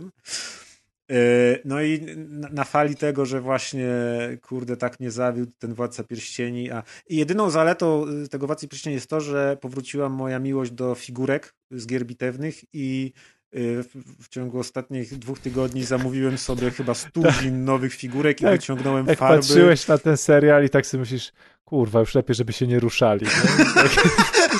Tak, o, figurki. Dokładnie, dokładnie Żeby już więc- nic nie mówili. Dobra, zamówię sobie figurki. O, to tak, to na pewno. Więc właśnie y, to jest duża zaleta, że wróciła moja miłość do, do figurek i kupiłem sobie farbek i mam mokrą paletę i już nawet zacząłem trochę malować i robić podstawki. jak już masz mokrą paletę, to naprawdę się jarasz tymi figurkami. Oj tak, oj tak, więc się rozpędziłem, o ile mi nie przejdzie, to, to będzie fajnie, to się znowu wkręcę w malowanie, jeszcze to z takim trochę strachem do tego podchodzę, bo, bo wiem, że, że chcę A zrobić to już coś ładnie. pomalowałeś, czy jeszcze nie? No tak trochę takich tam innych, takich, zaczynam od takich badziewnych, których mi jest mniej szkoda, nie, żeby sobie na nich trenować. No. Ale jak coś ładnego zrobię, to nie omieszkam się pochwalić. A już jakieś zezem masz figureczki? Czy Nie, na razie jakieś nie. duże obszary? Wiem, żeby nie malować oczu, jak się nie umie, bo to jest bardzo trudne i właśnie wychodzą zezy zazwyczaj. Mam takie figurki, jakie malowałem za dzieciaka, czyli z 25 lat temu ponad i one mają zeza każda. Tam, tam nie ma jednego typa, co prosto patrzy w ogóle. Dobrze, bo na polu bitwy to się przydaje. To są jak Także szturmowcy z Gwiezdnych Wojen, tak. Uff. Przegląd pola szeroki. Tak. Jak w Hyperdemon, one mają 180 stopni. Tak, więc to jest zaleta y, Władcy Pierścieni serialu nie, nie do podważenia. A drugą zaletą jest to, że właśnie wkręciłem się w to fantazy całe i tak mi brakowało tego fantazy. Sobie myślę, kurna, nie ma tego fantazy w tym Władcy Pierścieni, który mi się spodoba, to spróbuję tej gry o Tron, która w sumie nic do niej nie miałem. Po prostu jakoś nie, nie wciągnęło mnie wtedy, czy coś. No i tak jak zacząłem oglądać, tak już jestem w połowie czwartego sezonu, czyli już prawie w połowie wszystkiego. No i wiadomo, że Gra o Tron to jest inny klimat niż Władca Pierścieni. Władca Pierścieni to jest takie epickie fantazy, a ta Gra o Tron to jest takie trochę bardziej właśnie jak w Warhammerze, takie grim and peril, czyli ponure i niebezpieczne i złowieszcze i takie low fantazy. No i to fantazy tło stanowi tak naprawdę. No i bo- tak, tak, dokładnie. Ale nawet pomijając to, to mm, muszę przyznać, że jakby na poziomie fabularnym to te pierścienie władzy, a gra o tron to jest po prostu niebo a ziemia. To jest bez porównywania, nawet nie ma jak porównywać tego. I Ale chyba też jak się ogląda te pierwsze sezony gry o Tron, to e, tak intensywnie i szybko po sobie, jak ty oglądasz, to chyba widać między powiedzmy sezonami, jak bardzo ten hype ogólnoświatowy rósł i jak więcej tam sypano względem tych pierwszych sezonów Tak. do kolejnych sezonów gotówki. tak, tak. No jak już jestem teraz w połowie całej serii prawie, no to na pewno widać wizu, wizualnie, jak to się zmienia, jak jest i więcej statystów i w końcu jakieś tam bitwy są pokazywane i tych takich ujęć yy, z wnętrz jest więcej pokazywane. Trochę cały czas żałuję, że nie ma z, z, z zewnątrz jakichś takich zlotu ptaka fajnych widoków, tylko zazwyczaj kiedy są te wszystkie zamki, to to jest taka statyczna kamera w starym stylu, takim matte paintingowym.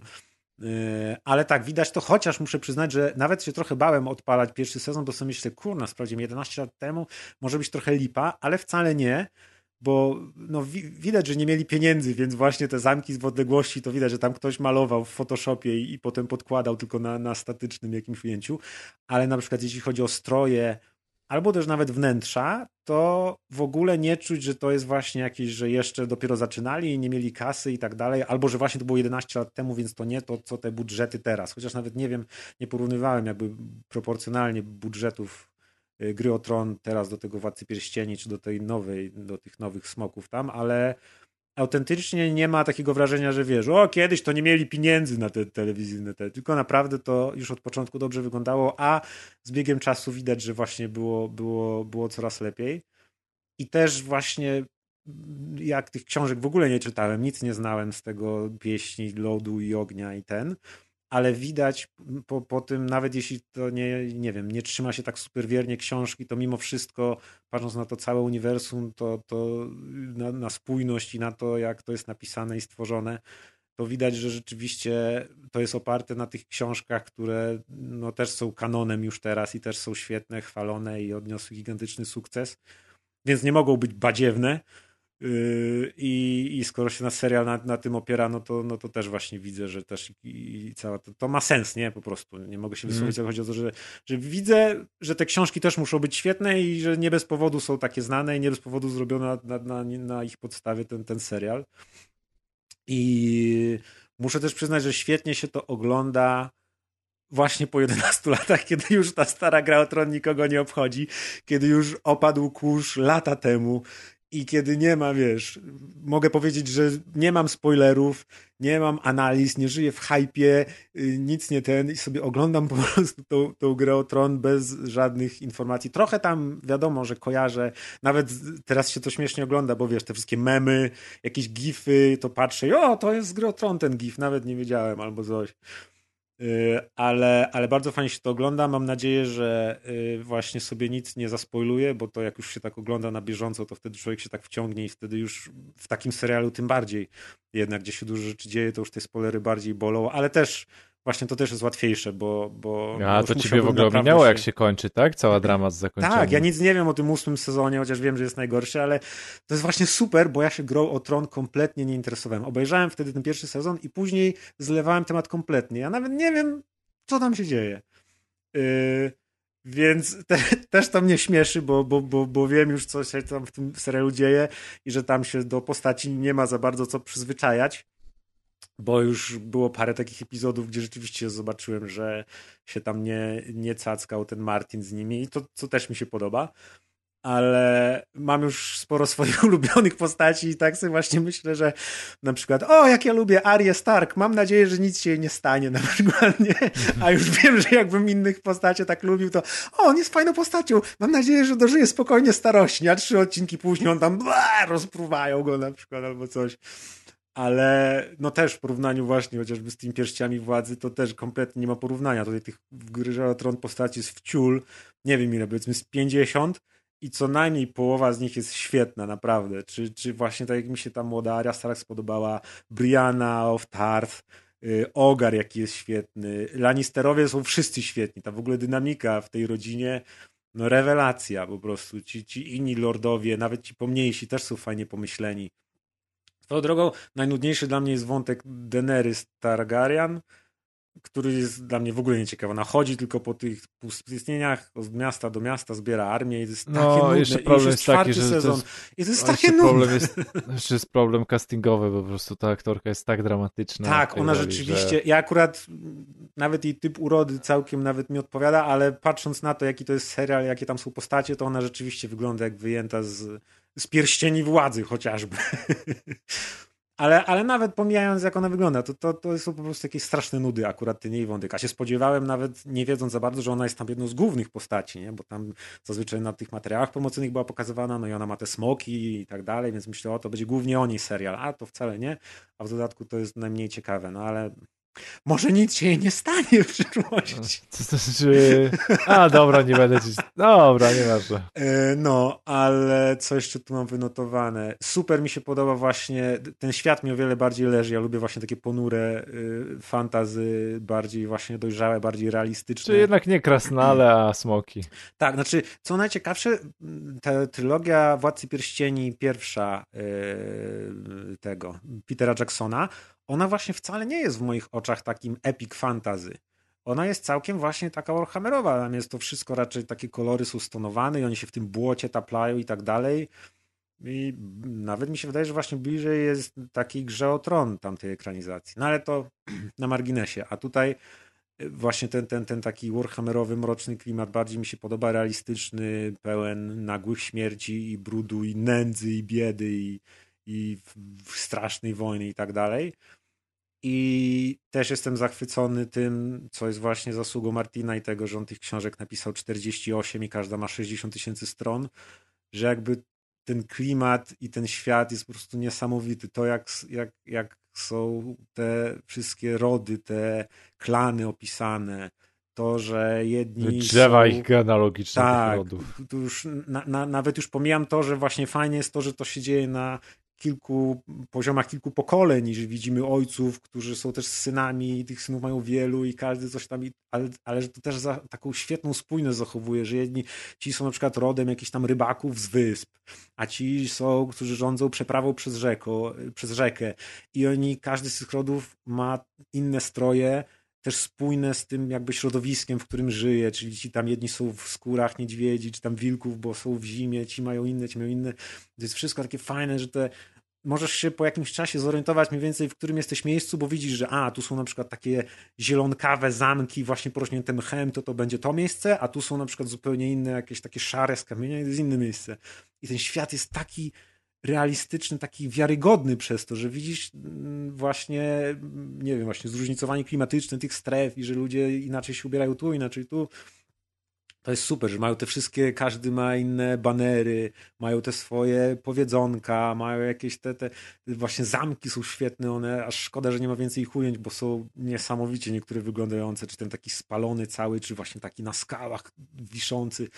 O Jezu, no coś wspaniałego, więc jestem naprawdę zachwycony tym takim fantazy dla dorosłych ludzi, dorosłego widza, który mówi, że tak, to jest, tu są smoki i tak dalej, ale to nie znaczy, że to musi być bajka dla dzieci, nie? Tylko robimy wersję taką na poważnie. To jest... Mm, bardzo mi się to podoba. Jest, oglądam po prostu zachwycony, staram się oglądać ze dwa, trzy odcinki dziennie, dziennie codziennie. Jestem mm, full in gra tron, który mamy rok I, i po prostu byle, byle dalej. Aż mi szkoda, że wiem, że to się skończy w końcu, ale przynajmniej wiem, że będę sobie dalej na pewno te smoki oglądać.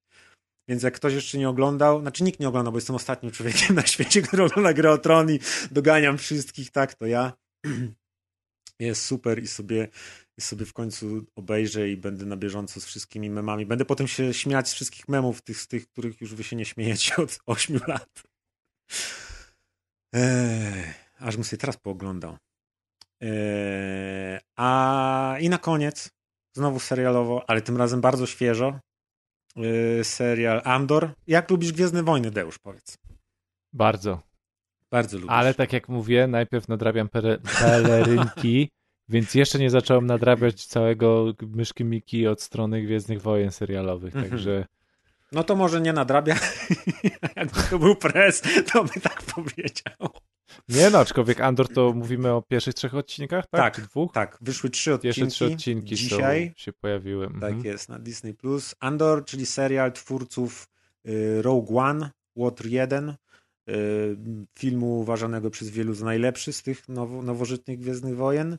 Filmu bardzo mało y, Jediowego, za to bardzo takiego przyziemnego, militarn, przyziemne, militarne Gwiezdne Wojny, takie ludzkie i rebelianckie, a nie Jediowe, o tak możemy powiedzieć.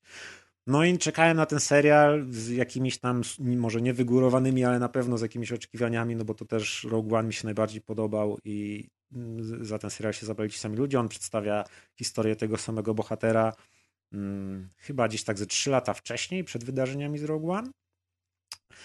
No i machnąłem dzisiaj te trzy odcinki, troszeczkę z obowiązku, troszeczkę z ciekawości. yy, z obowiązku recenzenckiego oczywiście, żebyśmy mogli sobie w tagach wpisać yy, Andor i dzięki temu nas tutaj wyniosło wyszukiwarki na pierwsze miejsca. No ale niestety trochę się zawiodłem, bo... O, O, Bo- bo ogólnie to przyjęcie jest bardzo pozytywne. Właśnie teraz na to popatrzyłem, przeskrolowałem tutaj dzisiaj, y, nawet jak, jak was słuchałem, to sobie na szybko przeskrolowałem Twittera i trochę mnie to też śmieszy, że y, żyjemy chyba w czasach, gdzie ludzie się wszystkim mogą zachwycić. Znaczy nie chcę, żeby to zabrzmiało jako przytyk, bo też nikomu się nie zabraniam zachwycać, ale jakby widziałem, też widziałem y, właśnie jak wychodził teraz y, ta nowa gra o Tron, widziałem tweety, o, najlepsza rzecz na świecie, ta postać, jestem zakochana, on jest najlepszy, to najlepszy serial. Potem wyszedł y, Te Pierścienie Władzy. Najlepszy, to jest najlepszy serial. Takiego serialu jeszcze nie było, a ta postać jest tak, kocham ją, jest wspaniała. I teraz patrzę, wyszedł Andor i widzę tweety. Najlepszy. Najlepszy serial, ta postać jest najlepsza, bo kocham, bo to jest wspaniałe. A ten robocik, on kocham go i wszystko to jest najlepsza rzecz na świecie. Kamień milowy w historii Gwiezdnych Wojen. Tak,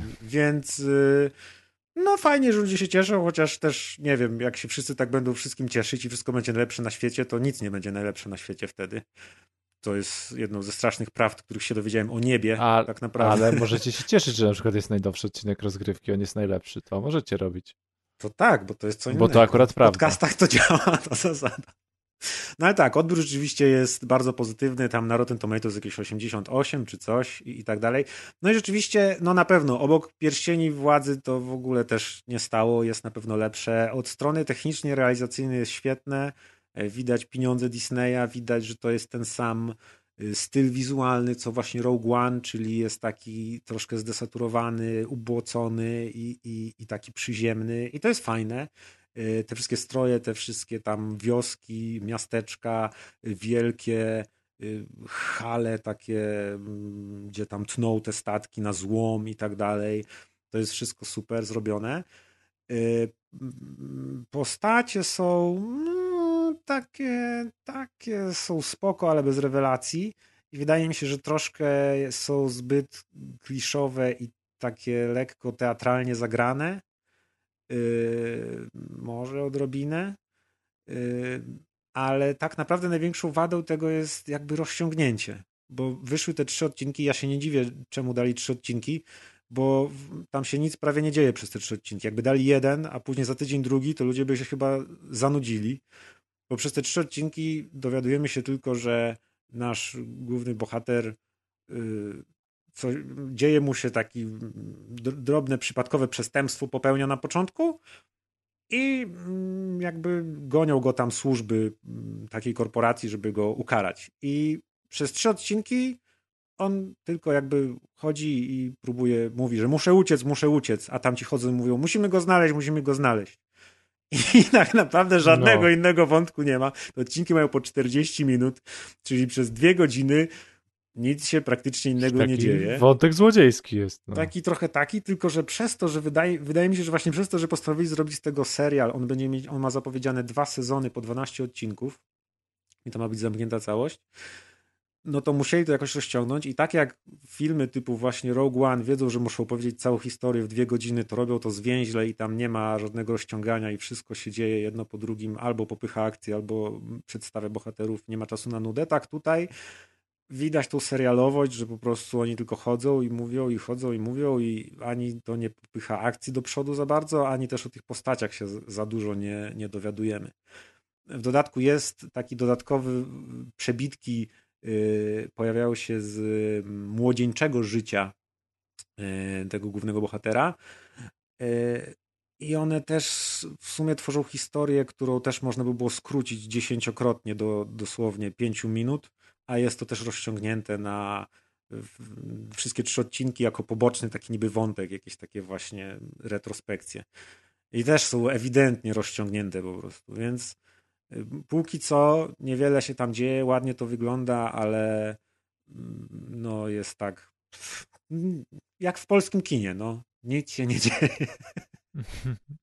Jest ciekawa muzyka, to też jest najlepsze, jak człowiek powie, że o, muzyka była ciekawa Mm. bo y, jest mało gwiezdnowojenna, a nawet w jednej takiej scenie pościgowej, powiedzmy, pojawiają się takie dziwne, lekko rockowe bębnienia, I na pewno muzyka, którą zauważyłem i tak sobie myślę, o Jezu, jaka dziwna muzyka tutaj, kto to wybrał w sumie? Czy to pasuje? Sam nawet nie wiem, ale jest takie trochę od czapy i w ogóle bym się nie spodziewał, że to jest muzyka z, z Gwiezdnych Wojen. No więc no, ja będę oglądać, na razie się jeszcze nie zraziłem, nie jest to fatalne, nie czuję zażenowania, ale no nudy, głównie nudy właśnie takie, nie za dużo się tu dzieje i no i tak o. No ale no jeszcze Czujesz się zachęcony? sezony gry Tron. Czujesz się zachęcony do Andora? Eee, to znaczy prawdopodobnie moja e, dusza tutaj e, nadążania za popkulturą w końcu mnie zmusi do nadrobienia Andora, aczkolwiek jak widzę, że się pierwszy sezon i tak skończy tak naprawdę pod koniec listopada, to, Mhm. to myślę, a dobra, co mnie trzy odcinki pierwsze obchodzą, już teraz w ogóle mm, jakbym miał zaczynać jakiś serial teraz i potem sobie pomyślę, że ja go będę przez dwa miesiące oglądał, to to nie wiem, to już by mi się nie chciało, w sensie albo już jak ktoś wychodzi ja sobie sam będę dyktował tempo, jak będę miał czas, to będę oglądał, albo, albo po prostu czekam aż się cały sezon ukaże tak. i tyle. Ja, ja właśnie po tej grze o Tron tu się mm, przekonałem już ostatecznie, że też wolę mieć całość do dyspozycji, bo to też się zupełnie inaczej ogląda jak, niż, niż takie rozwleczone co tydzień epizody. Jednak też preferuję wszystko naraz i szybko i tego jest więcej i tak się imersja jest większa.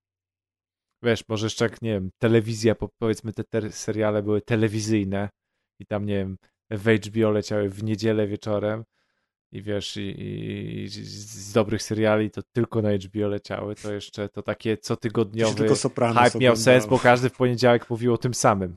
No tak. ale przy sześciu e, platformach streamingowych, gdzie, gdzie każda platforma streamingowa ma co najmniej dwa, trzy główne seriale naraz idące, Mm.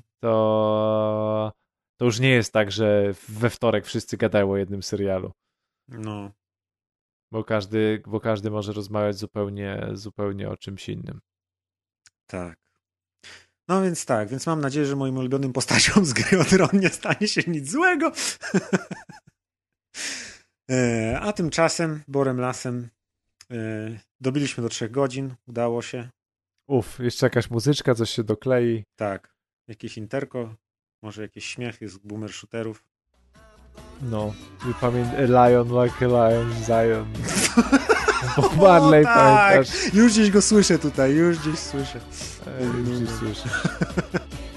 Już masz muzyczkę, już masz śpiewane intro. Easy peasy, lemon squeeze. No i impreza, który nuci motyw z Wiedźmina O. 3, także Tak jest. Dobra, to ten, y, do za dwa tygodnie oby. do za dwa tygodnie. Elo. Elo.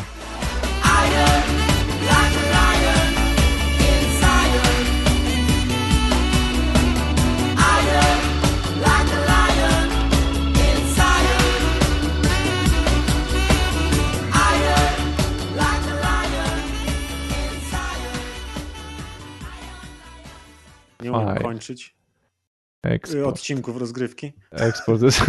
Od razu trzeba doprecyzować.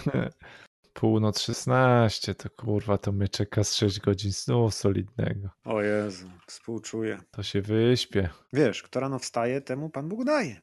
tak sobie powtarzasz zawsze rano, jak nieprzytomny zwlekasz się z łóżka. To jest jak chcesz stracić wiarę, to do komuś rano mówisz. Znaczy, że ci kurwa dał. Przekrwione oczy i ma uzależnienie od kofeiny.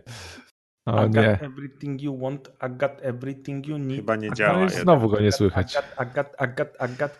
I znowu jest odcinek, gdzie jest mała rozpiska, jest mało gier, to przychodzi któryś kurwa Patrz, z was kropka mu się świeci, ale nic go nie słychać. i dajecie Tak tyle newsów wcześniej. na początek, żeby przypadkiem za szybko się nie skończyło, nie? ten, nie. Dobra, Nie dobra, nie świrujcie. Nie świrujcie tam. No to zaczynaj szybko, jak skoro tak ci się spieszy No raz, bo raz, tyle raz. newsów O. żeście najebali znowu. No bo są kurwa. ciekawe rzeczy się dzieją. Jakie ciekawe rzeczy? 15 Super. Assassin's Creed. Woo! Robimy No, No Meksy- 15, 15-lecie. No, to właśnie ale okrągłe. Jakby to był 12, to z dupy, nie? Ale Nikogo, 15. 13, 14. I got everything you want, I got everything który you need, I got, I got, I got, I got. Dlaczego śpiewasz? A które są twoje press news, To newsy? wywalimy zaraz je. Raz, raz, raz, raz. O, dobry mikrofon. Eee, Realms Deep O, 2022? kogo to interesuje? Jakieś. Kolejne boomer 2D shootery. dla na dziadów. pewno nie moje. 17 boomer shootery. Okej, Assassin's Creed to by chciał mieć kurwa tyle części co tych boomer shooterów, co w ty grałeś wyszło. Co ty, Dobrze. jakby tyle asasynów robili, co boomer shooterów, to Jezus. Dobrze, Maćku, że jesteś, bo z Deuszem samym to nic profesjonalnie by nie było. Jak Och, nie? chyba mylisz tutaj e, sojusze. Patronami montażu są Łódzki Dom Kultury Paweł Las Jedi 84 Rumiński I Andy.